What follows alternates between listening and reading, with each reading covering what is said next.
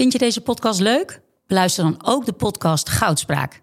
Ik ben Minkeboy. Als voormalig tophockeyster weet ik hoe Olympisch goud voelt. In de openhartige podcast Goudspraak praat ik met sporticonen die straks in Parijs voor het hoogste podium gaan. Over de weg naar goud.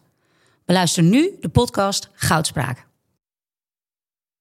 Dit programma wordt mede mogelijk gemaakt door Toto.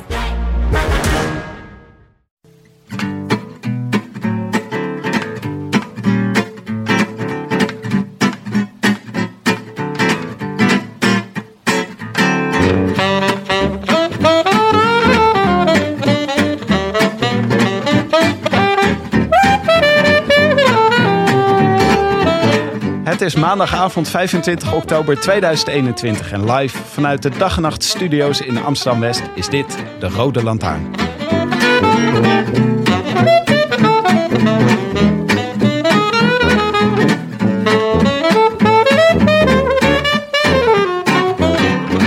Hebt hoogtijdagen en je hebt het oranje tijdperk Vleuten Vos van de Breggen in het wielrennen bij de dames. Onze zorg, dat tijdperk loopt toch een beetje op zijn eind. En hoe moet het dan eigenlijk straks met onze geliefde hegemonie?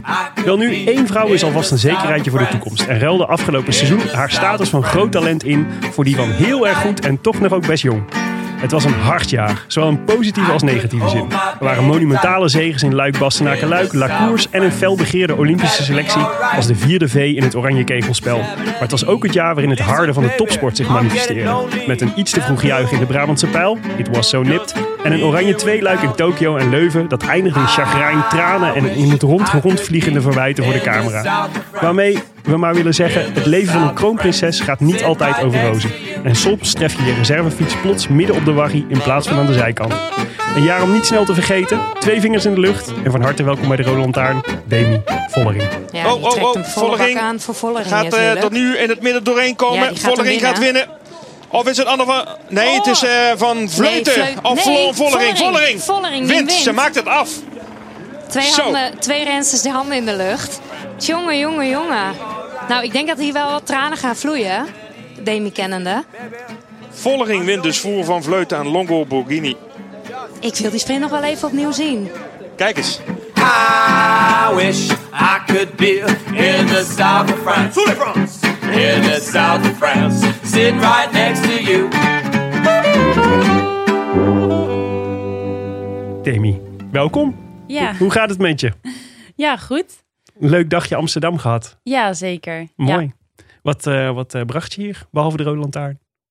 Ehm, we hadden vandaag eventjes wat gesprekjes hier en eh, ja, en eventjes Amsterdam in geweest. Mooi. Lekker gegeten. Ja, dat kan hier goed. Ja, Ja. goed Ben je een beetje bijgekomen van de Ronde van Drenthe? Ja, en, ik ben nog wel wat stijf, want ik was onderuit gegaan op, op een van de kasseienstrookjes. Ehm dus ja, dan heb je altijd even, even een beetje, een beetje stijve nek, eh, een beetje Ja, spierpijn hier en daar. Maar goed, eh, verder eh, gelukkig niks aan overgehouden, denk ik. want dat was afgelopen zaterdag en het verbaasde me eigenlijk, want ik dacht dat je al lang vakantie zou hebben. Ja, dat dacht ik zelf ook. ja, nee, ik had eigenlijk off-season naar de Women's Tour. Maar ehm, ja, toen vroeg onze ploegleider Danny of ik niet ook nog Drenthe wilde rijden. Voor de gezelligheid. ja. ja, we hadden toch ook een afterparty daarna. Dus ja, uiteindelijk eh, heb ik toch nog eh, de Ronde van Drenthe ook maar gereden. Ja. Had je die al wel eens eerder gedaan? Nee, nog nooit. Dat is wel heftig, toch? Met al die. eh, het is, ik, ik Ja. heb het toevallig een paar weken geleden zelf gereden. Maar het is echt die, die, dat zijn echt gewoon bizarre kasseiwegen. Ja, klopt. Ja, die kasseitjes zijn weer heel anders. Het zijn meer eigenlijk soort steentjes. Het zijn hele kleine steentjes en nu stond er ook heel veel gras op. Dus daardoor was die wel glad. En hier en daar tussen de bomen was echt al heel veel blad naar beneden gevallen. Dus ja. Waren sommige paden kon je niet eens meer zien of je nou op de kasseitjes reed of dat je in de kant reed. Ja. Ehm, En dan ga je nogal snel op je snuit. ja, eigenlijk ging het echt continu heel goed. En het peloton was ook best wel kampjes. Dus eigenlijk precies op het moment dat ik aan het denken was van... nou, nog geen valpartijen gebeurd, hoe kan dat? Ja, Toen eh, gingen ze voor me onderuit en eh, ja, ik kon er niet eens over nadenken, kon niet eens reageren. En ik, eh, ik lag ook. Het was heel gek, want het was helemaal aan het eind van de zijstrook. Één meter verder waren van de st- strook af. ja. Dus we hadden net even ongeluk. Ehm, en Chantal die zat achter mij, dus die, die ging over mij heen. Dus ze zei al, ja, leuk is dat. Domino Demi. Demi. Domino Demi. Maar is het, Lijkt me niet per se de bijnaam die je wil. Nee. is het dan nu wel eh, afgelopen het seizoen? Of Ja. moet je nog meer, eh, nog meer rijden? ja, eh, in Amerika rijd ik nog een criterium dadelijk. Dus, ehm, maar goed, ik, ga, ja, ik, ik train er nu niet heel erg meer voor eigenlijk. Dus eh, Maar even, in Amerika rijd ik nog een criterium dadelijk. Dat is, hoe heet die ook alweer? De, de, de Into the Lions Den. ja, klopt. Ja, dat is best wel, dat is heel groot geloof ik in Amerika. Dus, eh, Het is in ben- Californië. Ja, ik ben heel benieuwd eh, ja, hoe dat gaat zijn. En eh, volgens mij is criterium rijden gewoon een hele andere sport. Of tenminste, dat is gewoon echt een hele grote sport daar. Dus Ja. ja, ik ben heel benieuwd hoe dat, hoe dat gaat zijn. En eh, 50.000 dollar prijzengeld. Zo. Ja, Ja, ja dat, dat is wel mooi, ja. het is altijd de moeite waard om even voor naar Californië te vliegen. Ja, zeker. Ja, Ja, ik vond het wel fascinerend, want je werd echt aangekondigd als een van de... Dat ben je natuurlijk ook. Maar je werd echt aangekondigd door de organisatie ook als een van de grote sterren die daar het criterium kwam rijden. ja samen met Amy vanuit onze ploeg eh, ga ik dan daarheen. Dus, eh, en er zijn wat andere rensters inderdaad ook. Maar ik ben, ja, ik ben ook benieuwd naar het niveau daar. En sowieso criterium rijden, het is volgens mij een uur. Ja, Ja, dus dat is gewoon heel anders weer. En ja, meestal is dat wel iets wat mij niet zo heel, heel goed ligt, eerlijk gezegd. Dus je hebt liever lange slopende koersen. ja, Ja. en dit is gewoon denk ik een uur gewoon volle bak, volle bak eh, rammen. Dus eh, ja, ik ben heel benieuwd hoe me dat ook afgaat. Het voelt een beetje als, eh, weet je, vroeger hadden ze bij eh, voetbal hadden ze toch altijd aan het einde van het seizoen van die voetvolley toernooitjes in, op Aruba en zo. Dat is zo, dat gevoel krijg je er een beetje bij. Ga je eigenlijk nog, eh, plak je nog even wat vakantie achteraan? Ja, ehm, de eerste drie dagen zijn we daar eh, vooral ook voor specialized. Dan doe ik ook wat windtunneltesten en zo op mijn tijdritfiets. En eh, nou, dan dus dat criterium. En dan daarna eh, hebben we tot de zesde hebben we eigenlijk nog vakantie daar. Dus dan zijn we vrij om te doen wat we willen. Alleen hebben we nog niet echt een planning gemaakt, maar eh, Nou, Ja, er is genoeg te doen in Californië. dat zou denk ik zeggen. Ik zou lekker gewoon een roadtripje inplannen. Ja, Fietsvakantie? Ja, nou ja, ik zou zeggen aan het einde van het seizoen. ja. Oh ja, je houdt van wandelen, toch? ja, ja, ja. Beetje, een beetje sportief wandelen wel. Een beetje af en toe rennen, een beetje klauteren, klimmen. Dat, eh, dat vind ik heel leuk. Ah, Ja. Leuk. En verder, en daarna is het wel echt gewoon off-season.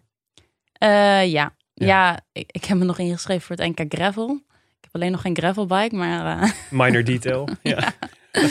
maar als het goed is, eh, gaat hij wel geregeld worden, hoop ik. Dus, eh, En wanneer is dat dan? Dat is 13 november. Oh ja, oké. Ja, maar zo Goed, wordt je eh. seizoen wel steeds iets langer als je Ja, steeds ja, dit soort dingen blijft Eigenlijk, plannen. eigenlijk tellen die dingen niet echt meer mee. Dat, dat ga ik meer gewoon zien als een eh, intensieve duurrit, zo- zoals mijn trainer zei. Dus eh, Ja, ja, en gewoon, en leuk. gewoon leuk. Ja, precies. Gewoon leuk. Ja. Ja. Even Ja. wat anders. Ja, maar ben je dan al wel, als je dan zegt, eh, want eigenlijk sta je dan zeg maar een beetje uit al. Als in, Ja.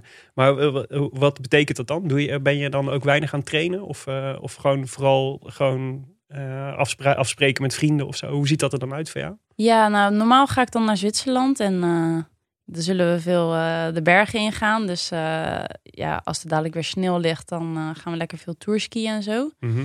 En, ehm, en hiken en zo. Ehm, ja, en dan daarna ga ik weer een beetje mijn mountainbike opzoeken. En eh, meestal de wegfiets eh, laat ik meestal staan totdat ik weer op trainingskamp ga of zo. Ja.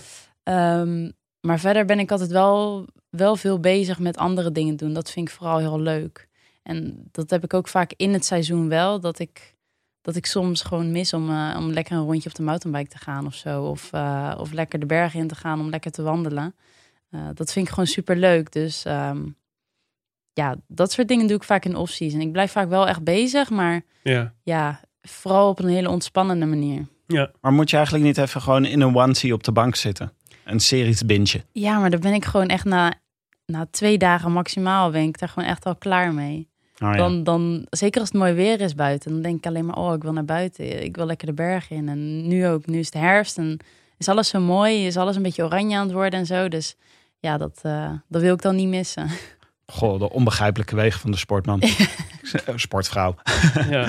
Oké, we gaan uitgebreid met je praten. Maar ik wilde eerst nog even een paar kleine administratieve dingetjes, eh, Willem. Mhm. Eh, we hebben vandaag eh, vakkundig eh, de podcast Vierkante Oog uit deze studio weten weg te duwen. Ik zag ze boven in het keukentje zitten. Ze zitten boven in de keuken. Kniezen. Maar ik dacht, dan wel zo aardig om even een shout-out naar ze te doen. Shout-out naar de vierkante ogen. Zij zijn eh eh, popcultuur podcast. Eh, zijn nu veel bezig met sex education Oh ja. en eh, succession. Mhm. En ze zijn nu een podcast aan het opnemen over The Office. Die op, Succession, eh, daar ben jij toch heel erg fan van? ja, dat is echt geweldig. Ja, ik, het is ook belangrijk voor onze luisteraars. Hè. Nu wij even niet zijn, Wat doe je zijn dan? allemaal bankzitters. Ja, precies. Ja, die moeten wat te doen Je hebben. moet, je, die moet je niet vervelen met de hikes en eh Nee, nee. Je moet wel te je kijken moet hebben. gewoon Netflix tips. Succession.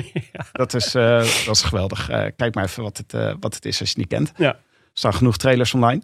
Ehm, en eh, Willem, eh, het laatste nieuws, eh, wat ons eigenlijk vlak voor deze opnames bereikte, was dat eh Ties weg wil bij DSM. Ja. Dat vind ik toch wel toppunt. Nou, Dus, wel het, is, het, is, het is wel heftig, want ik was, ik was dus nog... Ik las het op Wielerflits. En het, dat, dan krijg je altijd van die gerelateerde artikelen erbij. En het gerelateerde artikel was hier waarin de teamleiding van DSM ontkende dat er een probleem was met die nood. Wat ik al echt Ja. enigszins pijnlijk vond, heel gezegd. Maar ja, het is een beetje het patroon toch? Van wat we de afgelopen jaren al hebben gezien, wat zich gewoon doorzet. Maar wel echt langzaam het niveau ontluisterend bereikt, vind ik. Nou, ze zeiden in dat interview, zeiden ze, eh, we beoordelen mensen ook op cooperation. Cooperation, ja. En dat is misschien niet helemaal goed gegaan hier. Mensen coöperaten niet. Nee, maar kijk, als er. Het is wel een beetje natuurlijk dat.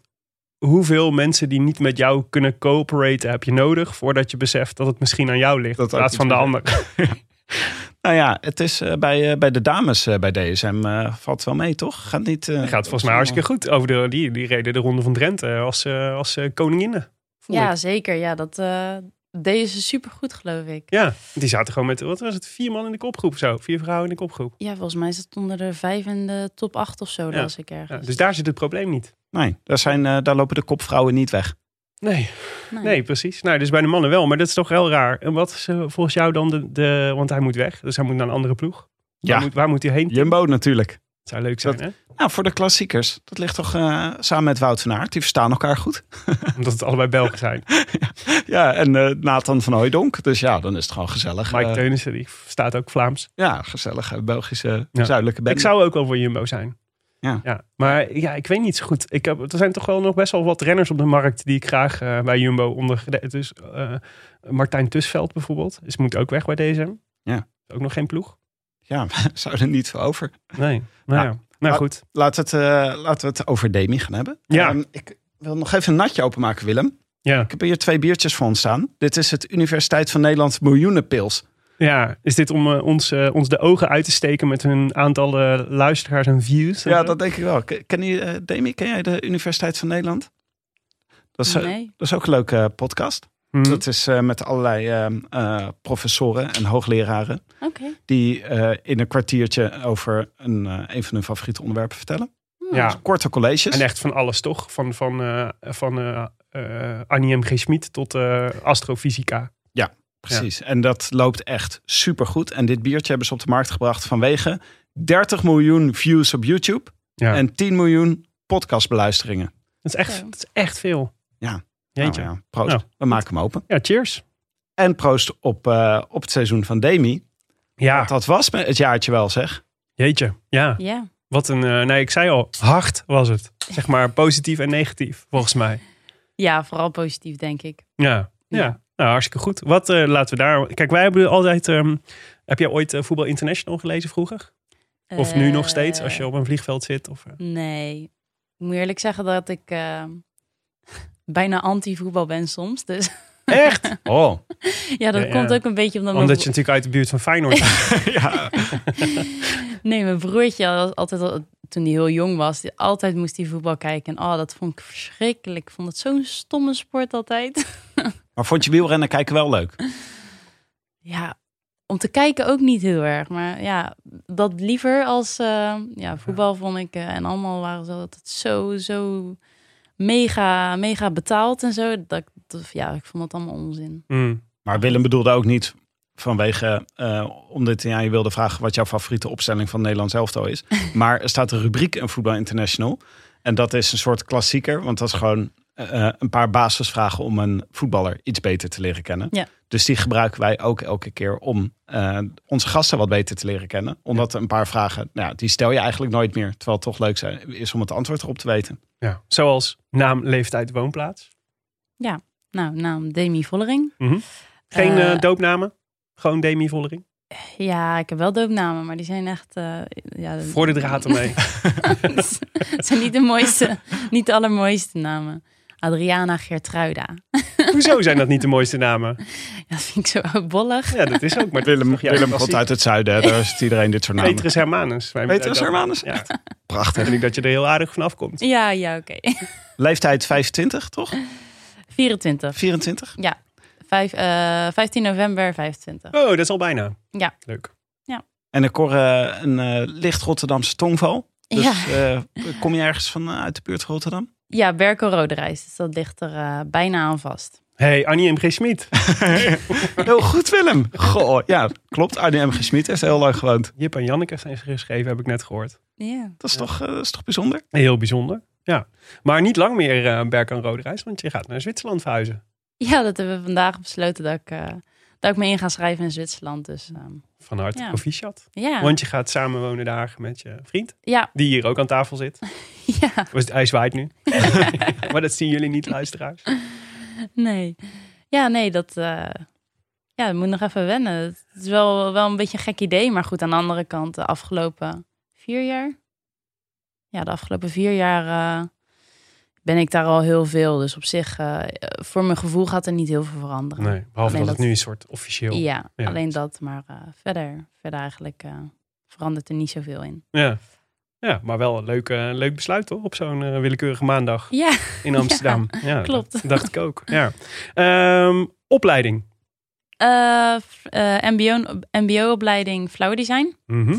Ehm, dus ja, veel met bloemen. Ja. Flower design, Ja. dat is Ja. leuk. Ja. Maar kom je ook, eh, eh, kom je ook uit de familie van eh, eh, Bloemisten. bloemisten? Ja. Heet dat? Eh, ja, mijn, va- mijn vader is tuinder inderdaad. En eh, mijn moeder is vroeger altijd bloemiste geweest.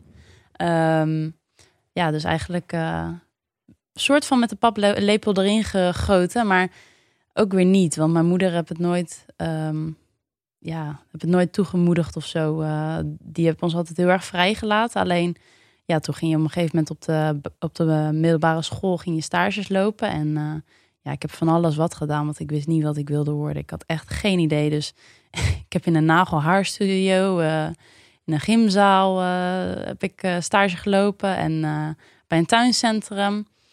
En eigenlijk van dat alles vond ik in het tuincentrum het allerleukst. Hadden ze een bloemenafdeling en ja, er was altijd wat te doen. En dat was heel eh, gevarieerd werk. Ja, ook wel creatief. Ja, heel creatief moest je zijn. Dus ehm, ja, dat vond ik gewoon super leuk. En eh, ja, toen ben ik uiteindelijk eh, de opleiding Flower Design gaan doen. Maar heb je dan ook als je, een, eh, als je wint en je krijgt een bosje bloemen, dat je gelijk denkt, dit lijkt echt nergens op. Ja, Ja, echt? ja ik, ik, ik, dat, dat, dat is gewoon. Kritisch ontvanger. Ja, maar je hebt al die technieken geleerd en, en alle bloemen. En ja, dat vergeet je natuurlijk niet zomaar. Dus altijd als je een bosje bloemen in je handen hebt, dan, dan voel je meteen aan van oké, dit is slecht gebonden. Of juist, oh, dit is netjes gebonden. Ehm, Dat is het eerste wat je merkt, hoe het, eh, Ja. hoe het aan, bij elkaar gebonden is. Ja, Hoe waren de bloemen in uh, Luik-Bastenaken-Luik? Eh, daar zat een hortensia in, dat kan ik me nog herinneren. En mijn vader die kweekt hortensia's, dus daar was ik heel blij mee. Toen dacht je de cirkels rond. ja, ja, klopt. dus dat was heel leuk. En eh, ja. En, uh, en even dan een hele slechte. Wat het slechtste bosje wat je hebt gekregen? Dat jij gedacht, dit is echt Ehm, tankstation kwaliteit? Dat kan ik me even zo niet herinneren, geloof ik. La Course lijkt me ook wel. Die doen het denk ik ook wel goed. Ja. Viel dat ook tegen? Of hadden we daar geen bloemen? Dat vind ik helemaal schaal. Ja, dat, dat hebben we namelijk ook wel eens, dat je geen bloemen hebt. En dan sta je ook met echt, voor, voor je gevoel, met lege handen op het podium. Ja, maar je krijgt toch de raarste dingen altijd bij wielrennen. Je Ja. moet altijd denken aan die race in Bretagne, waar je dan een geitje krijgt. Nee, een Oh. biggetje. Een biggetje is dat. Oh, ja. Ja. ja, is als je in Italië vaak wint, dan krijg je ook eh, drie soorten mega hammen die Ja, je amper precies. kan tillen. Een lichaamsgewicht in ham. Ja. Ja, Een Parmezaanse kaas. als je dan nog vegetarisch bent, dan is het helemaal... eh Ja. moet ik daarmee? ja. Maar, de, maar, dus de, maar je- want je hebt ook uh, als bloemiste gewerkt, toch? Ja, Ja. Ehm, twee jaar denk ik, of in ieder geval anderhalf. Ja. En, eh, ja, bij verschillende bloemenwinkels. En eh, eh, tussendoor ook nog bij mijn vader in de kas. Ja. Want eigenlijk toen ik klaar was met mijn opleiding, eh, toen zei ik eigenlijk van oké, nu ga ik twee jaar volle bak voor mijn sport. Ja. Eigenlijk vooral schaatsen, want ik deed voor- vooral veel schaatsen. Dus eh, eigenlijk wilde ik echt proberen om met schaatsen wat beter te worden. Ehm, maar ja, ik had natuurlijk tijdens mijn opleiding stages gelopen en die bedrijven wilden me graag houden. Ehm, dus ja, toen was dat eigenlijk heel, eh, heel veranderd.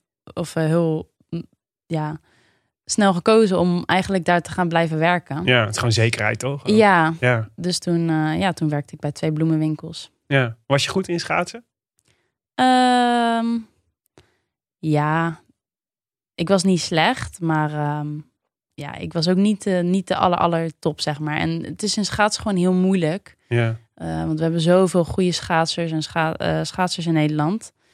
Ehm, dus ja, het is gewoon heel lastig om daarin door te breken. En ik ben gewoon wat later begonnen. Mhm. Ehm, en qua techniek was ik op zich wel goed, maar ik had misschien net. ehm, ja, met schaatsen, je moet het gewoon net hebben. Gewoon die techniek, dat alles op zijn plek valt. En Ja. natuurlijk de kracht. En de kracht had ik wel op zich, maar ik kon dat misschien niet altijd helemaal goed overbrengen in mijn slag. Ehm, dus ja, ik denk dat ik het nooit, nooit gehaald had. Eh, misschien in de marathon, maar Het nooit gehaald, gewoon de, de top. de top, ja. Ja. Omdat qua, qua techniek, ja, miste ik het denk net nog een beetje. Ja. En hoe kwam je bij fietsen dan? Ik bedoel, het is een vaak gehoorde combi natuurlijk, schaatsen Ja. en fietsen. Ehm, fietsen deed ik eigenlijk altijd al. Eigenlijk ben ik daarmee begonnen toen ik jong was. Ja. Ehm, bij een tourclub. En toen, ehm, nou, in de winter ging ik dan schaatsen. En hoe, hoe, wat is jong? toen ik in groep 8, of Ja, tenminste... Dat is toen, eh, 12 of zo. ja, Ja. ja. toen ik bij de tourclub begon, nog ietsje jonger, denk ik. Nou, in ieder geval... eh, ehm, ja, en toen om mijn zestiende ging ik eigenlijk pas wedstrijden fietsen. Dat het voor ons, eh, vanuit huis uit was het wat lastig voor mijn moeder om altijd met ons het hele land door te crossen. Omdat ik, eh, ik had nog twee jongere zusjes en een jonger broertje. Mhm. Ehm, en mijn vader had natuurlijk het bedrijf, dus die kon sowieso wat lastiger weg. Ehm, dus ja, dan kwam het vaak op mijn moeder aan. En dan met, eh, met nog drie kleine kinderen Die ze ook mee allemaal iets willen. Ja, Ja. was het heel lastig. Dus eigenlijk daarom om mijn zestiende dat ik pas eh, echt wedstrijden ging fietsen. Want eh, ja, toen ging ik ook bij een vereniging en hoefde, hoefde mijn moeder niet altijd te brengen. Dan kun je Reed gewoon mee. een- Ja, precies. Ja. Ja. Dus ehm, ja, dat was een stuk makkelijker En hoe ging het toen dan? Want je, bent- ik bedoel, je bent nu nou ja, 24, dus er zit, niet, er zit acht jaar tussen. Ja, En volgens mij het grote publiek, in ieder geval onze luisteraars, zullen je eh, pas hebben leren kennen bij Parkhotel Valkenburg, denk ik. Want dat Ja. volgens mij zo'n beetje de eerste, vaak voor volgens mij voor veel rensters, soort opstapje is Ja, naar dan ja. de grote ploegen en zo. ja, Maar wat zat daarvoor? Wat, hoe, hoe liep dat traject een beetje voor je? Ja, nou ja, toen ik 16 was, was ik begonnen. En toen heb ik de eerste jaren vooral voor, eh, voor de leuk gereden, als het ware. En eh, ik had niet echt een trainer. Ja, vanuit de ploeg eh, kregen we af en toe een papiertje mee eh, wat we een beetje moesten doen. Maar Ja. ja. daar kon ik me niet zo heel goed aan houden. Want eh, ik was ook druk met school en zo. Ehm, dus ja, deed ik gewoon één één of twee keer in de week deed ik een rondje fietsen. En dan misschien nog een keer een trainingskoersje. Ja. En verder deed ik vooral veel mijn schaatstrainingen en droogtrainingen in de zomer. En skileren. Ehm, dus ja, de wedstrijden waren toen ook altijd een beetje gemiddeld, zeg maar. Ehm, Jouw uitslagen? Ja. ja. en toen werd ik belofte. En toen, eh, nou, toen had ik eerst even een jaar, eh, heel zwaar jaar, dat ik veel gelost werd en zo. Omdat het natuurlijk een super grote stap is. eh, van de junioren naar de belofte bij Ja, de vrouwen. zeker als je zo weinig getraind hebt. Ja, Ja. omdat je gewoon, ja, je gaat wedstrijden rijden die in één keer dubbel zijn qua afstand. Ja. En je zit in één keer gewoon tussen de, de grote dames, tussen, tussen de oudere dames. Ehm, dus dat is gewoon super lastig. Eh, en daarna. Dus ging- dan rij je gewoon, dan rij je gewoon met Marianne Vos in de peloton. Zeg maar. Ja, toen, Ja. toen was dat nog wel. Nu, Ja. nu is daar wat meer onderscheid in gemaakt. Ehm, maar toen, als je de topcompetitie was, dat geloof ik of zo reed, dan, eh, ja, dan reed je tussen de profs soms. Ja. Dus eh, dat was gewoon heel lastig. Maar dan ben je echt gelost. Ja, ja. Gewoon zeg maar gewoon uit het wiel gereden. Ja, ja dat, ik weet nog wel dat ik een keer een wedstrijd in Limburg of zo reed toen. Dat ik echt eh, na, de, na de eerste 10 kilometer, eh, ja, wa- was de koers al klaar voor mij, Ja? geloof ik. Maar dat is ook best demotiverend, toch? Niet? Ja, toch heb ik dat nooit zo gevoeld. Ik, ik was toch altijd wel gemotiveerd van oké, op een dag kom ik er wel. Gewoon door blijven zetten. En eh, Ja. ja, uiteindelijk lukte het me ook. Uiteindelijk, je, ziet, je zag wel zeg maar iedere wedstrijd die je weer reed, zag je wel een beetje verbetering iedere keer. Dus dat, ja. eh, Kon je 10 kilometer langer ja, aanhaken. precies. Ja. dus dat gaf wel moed. Ehm, maar goed, daarna eh, ben ik bij Swabo eh, Ladies gaan fietsen. En daar ben ik echt begonnen met een trainer ook. ja. Ehm, dus echt, eh, ging ik echt specifiek trainen en zo. En toen ging het eigenlijk ineens heel hard. Ehm, toen, want ik heb één jaar bij Swabo gereden en ik reed toen een aantal meerdaagses. En daar reed ik eigenlijk best wel goede resultaten gelijk. Ik reed bijvoorbeeld ook Turingen. Ja. En daar reed ook profs mee natuurlijk. En eh, nou, daar reed ik best wel mooie resultaten. Dus dat, dat was super leuk. En eh, aan het eind van het seizoen eh reed ik nog de Ardèche. En daar reed ik ook mooie resultaten. Een aantal keer top 10 geloof ik. Dus toen kreeg ik allemaal contractaanbiedingen. Waaronder Lekker. ja, nog niet echt grote ploegen of zo. Maar goed, in ieder geval, ja, dat is natuurlijk super leuk. Ja. Als je er wat meer investeert, dat, dat het gelijk Ja, zo zeker. uitbetaalt als het ware. Ja. Dus toen uiteindelijk eh, ben ik zo bij Parktel beland. Ja. Oké, wacht. Laten we het daar zo meteen weer oppikken. Mhm. Want we zitten nog steeds in de Ja. rubriek persoonlijk Goed van. Voetbal International. Ja. Willem, eh, maak hem even af. En dan eh, kunnen we zo meteen, eh, mag je zo meteen vervolgvragen stellen. Goed. Goed. Ja. Jeugdidol? Ehm, heb ik niet echt, denk ik. Geen schaatser? Nee, nou toen ik jong was, waarom, eh, was mijn nicht altijd eh, mijn grote voorbeeld. Want die fietste wel.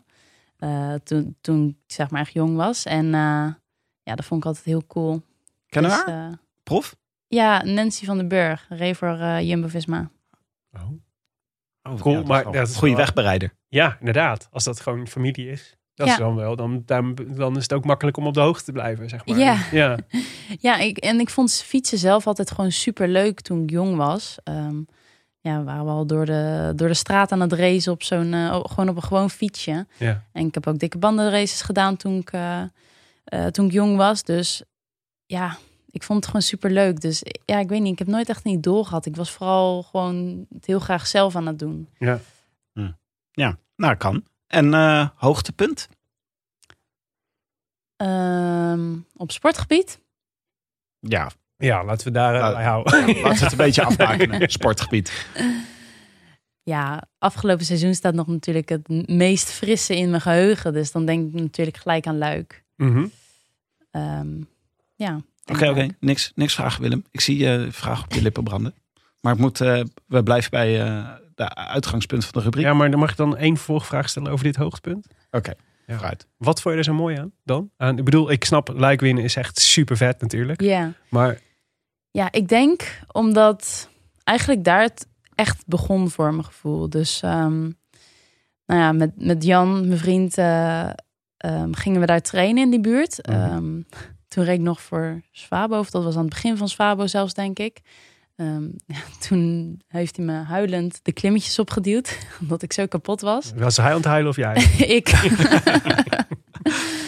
En de volgende dag was ik eigenlijk aardig eh, hersteld weer. Dus toen, toen was hij degene die zei van... joh, je hebt best wel talent. Ja. daar moet je wat mee doen. Ja. Ehm, en toen, twee jaar later bij Park Hotel... het eerste jaar in mijn profseizoen seizoen, eh, werd ik daar gelijk derde. Ja.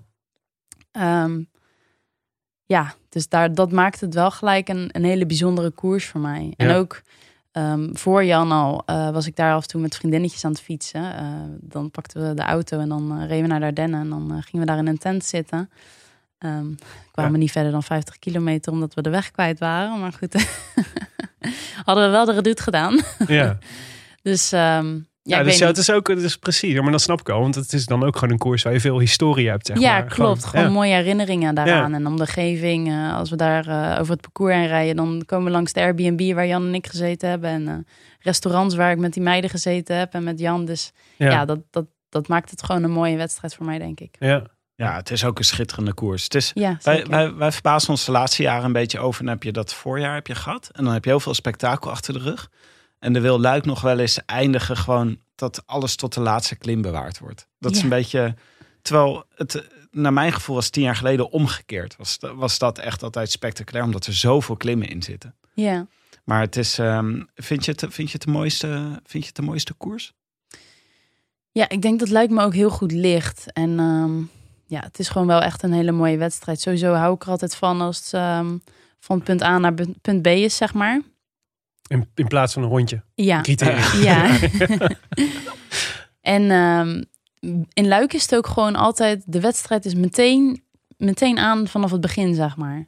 Er wordt altijd heel hard gekoerst. En dat, ehm, Dat ja, vind je leuk. Dat, ja, dat, daar hou ik van. Ja. Omdat ik dan zelf ook meteen aan moet staan. En Maar het is ook wel echt een eerlijke wedstrijd, vind ik ook. Ja, Zeg maar, het is vaak, wordt vaak echt op kracht. Degene die de sterkste is, die wint ook vaak. ja, klopt. Omdat het gewoon een hele slopende wedstrijd is. En uiteindelijk ehm, is de finale natuurlijk wel gewoon vlak. Ja, Dus dat is eigenlijk gewoon, ja. Dus je kan solo wegkomen daar. Maar het kan natuurlijk ook op een sprint eindigen. En dat maakt Luik ook mooi, denk ik. Dat het in zoveel manieren kan gebeuren, denk ik. ja. En natuurlijk de manier waarop je won was natuurlijk ook wel bijzonder. Ja, zeker. Met Anna Ja. Ja. Ja, en heel, heel de dag, de, het hele team ehm, ja, was ontzettend gemotiveerd. En eh, ja, ik kon me daardoor ook super rustig houden. Want eh, het was gewoon mijn dag. ehm, dat werd Dat was van ook van tevoren afgesproken. Ja, van tevoren was het afgesproken. En die hele dag liep het zoals gepland. eh, en hoe we het besproken hadden. En al die meiden pakten allemaal hun eigen, eigen taken allemaal perfect op. Zodat het uiteindelijk een perfecte wedstrijd werd voor mij. En eh, dat was gewoon heel fijn. Heel die wedstrijd heb ik gewoon met een glimlach kunnen rijden als het ware. Omdat Ja. ja, al die meiden deden zo goed hun werk, zeg maar, dat ik, eh, ja, ik hoefde me nergens zorgen om, om te maken. Als er iemand sprong, dan zag ik mijn, mijn team gelijk erachteraan vliegen. Dus dat was schitterend. Is het niet ook... eh, sorry Tim. Ja, oké. Is het niet ook, Dat is een eh, doorvraag. Nee, maar het is toch... Dat is, ja, dat is natuurlijk, SD Works is natuurlijk echt... Is een beetje het Real Madrid van het vrouwenwielrennen, toch? Als ik, sorry voor de voetbalvergelijking. maar als in, zeg maar, de, de ploeg waar iedereen... Dit is gewoon de beste ploeg ter wereld. Op het gebied van Ja. dameswielrennen. Ja, op het moment wel. Ja, dat zijn maar- ze ja, volgens mij alleen vorig jaar niet geweest. Nee, maar precies. Maar, Maar als je er over de wel- afgelopen jaren ja. kijkt... Dus dat is waar iedereen wil fietsen, toch? Ja, En, eh, eh, tenminste ik wel dus. Ja, nee, precies. Maar het lijkt me dus best als je dan om je heen kijkt en je gewoon jong bent en net, net komt kijken en dan om je heen kijkt en ziet, eh, weet je wel, wat er eigenlijk allemaal om je heen fietst aan teamgenoten en hun erelijst en dat soort dingen. Lijkt me toch, maar misschien heb jij daar veel min- minder moeite mee dan ik, maar lijkt me ook echt best wel heftig als die op een dag besluiten, weet je wat, we gaan vandaag helemaal voor Demi Vollering rijden. ja, Ik bedoel, eh, nog, ik, ik snap dat ze zien dat je een super talent bent, zeg maar. Maar Ja. jeetje, het is, zijn ook wel echt, het zijn wel vrouwen die dan voor je gaan fietsen. ja, zeker. Anna van der Breggen die gewoon eh, kilometers op kop sleurt om jou. Het is best wel een druk ook, denk ik.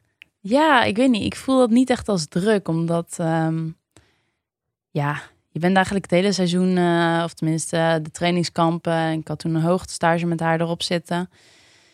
Dus ja, en toen, toen sprak ze ook al echt wel de vertrouwen, het vertrouwen naar mij toe uit. En dat, dat gaf juist mij heel veel rust, denk ik. Dat, Mhm. dat iemand als Anna ehm, mijn talent zag en ehm, dat zij zo in mij geloofde. Dat, dat gaf juist een soort van rust, denk ik, bij mij. Ja. En juist ook toen ze op kop fietste, toen had ik alleen maar het gevoel van, eh, ja, dit is nu echt mijn dag en eh, Ja. ik hoef nu alleen nog maar af te maken. Ja. Wel een grappig verschil, want eh, laatst met eh, Dumoulin in dat interview van jullie, ja. toen zei hij Van eigenlijk... ons, dat- hè? ja, ja, Van mij en Jonna bedoel ik. Ja, precies. Ja, joh, dat ik er niet bij was. Maar, eh, dus ik luisterde gewoon. En ik heb Ja. onthouden dat hij zei dat hij het juist wel heftig vindt als iedereen voor hem rijdt. Ja. Dat dat juist de druk is die hij die die ingewikkeld vindt. Zou je het ook, eh, zou je het ook een rittenkoers, als je eh, kopman echt aan een, eh, aan een rittenkoers, als je als kopman begint? Kopvrouw. Zou je dat ook leuk vinden? Ehm, ja, ik heb natuurlijk nu voor het eerst in de Women's Tour meegemaakt. Dat ik in de Leiderstrui Dat is in reed. Engeland, hè? Ja. Ja. Ehm, maar goed, ja, daar hadden we ook weer zo'n verschrikkelijk sterk team... dat ik me eigenlijk ook echt geen moment zorgen gemaakt heb. Mm. Ehm, ja, ik weet niet. ehm, ik voel daar niet per se druk van, denk ik. Ik vind dat juist alleen maar super gaaf. En eh, ja, tuurlijk, het is, het, het is ook wel weer een soort van lastig, omdat zij, eh, ja, zij doen natuurlijk heel veel voor jou. En ja, soms voor hun eigen resultaten Ja. ja, levert dat natuurlijk niks op. Maar dat vind ik dan wel soms jammer. Maar goed, ik probeerde dan bijvoorbeeld in de Women's Tour ook wel weer voor Amy... ehm, ja, een mooie situatie eh, voor de sprint te creëren. Ja, maar van de Eh, dat gevoel heb ik altijd wel. Als ik naar die ploeg kijk, dan denk ik, het is wel, ze snappen wel dat, jullie snappen wel dat je elkaar nodig hebt om goede resultaten te halen. Ja, Dus om die erelijst uit te breiden, zeg maar. ja. ja, dus we proberen gewoon altijd heel erg voor elkaar iets, iets te kunnen betekenen, denk ik. Ja. Dus ja, de ene keer is dat, is dat voor mij, en de andere keer voor Ashley of voor Amy. Of Mhm. ja, dat maakt het ook zo mooi, denk ik. Dat je, ja. dat je het echt kan delen als het ware. Klopt dat verhaal dat eh, Chantal Blaak en Anna van der Breggen ook eh, hoogstpersoonlijk met jou zijn gaan praten toen je bij, eh, bij de ploeg zou komen? Ja, klopt. Ja, ik zat op dat. in die periode zat ik in Zwitserland. En hun waren op doorreis van Strade, geloof ik. Of van Spanje naar hoogtestage in Kutai.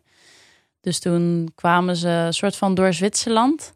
Dus toen hebben we afgesproken. En Toen dachten ze, wie kennen we daar? ja, Ja, ja, dus toen, eh, toen zijn ze eigenlijk eh, in Zwitserland op gesprek gekomen met ons. En eh, ja, Anna en Chantal die waren daarbij. Even Ja. in een cafeetje. Zo tegenover elkaar. En dat ze zeiden, bij de Ja. kaasfondue, hè?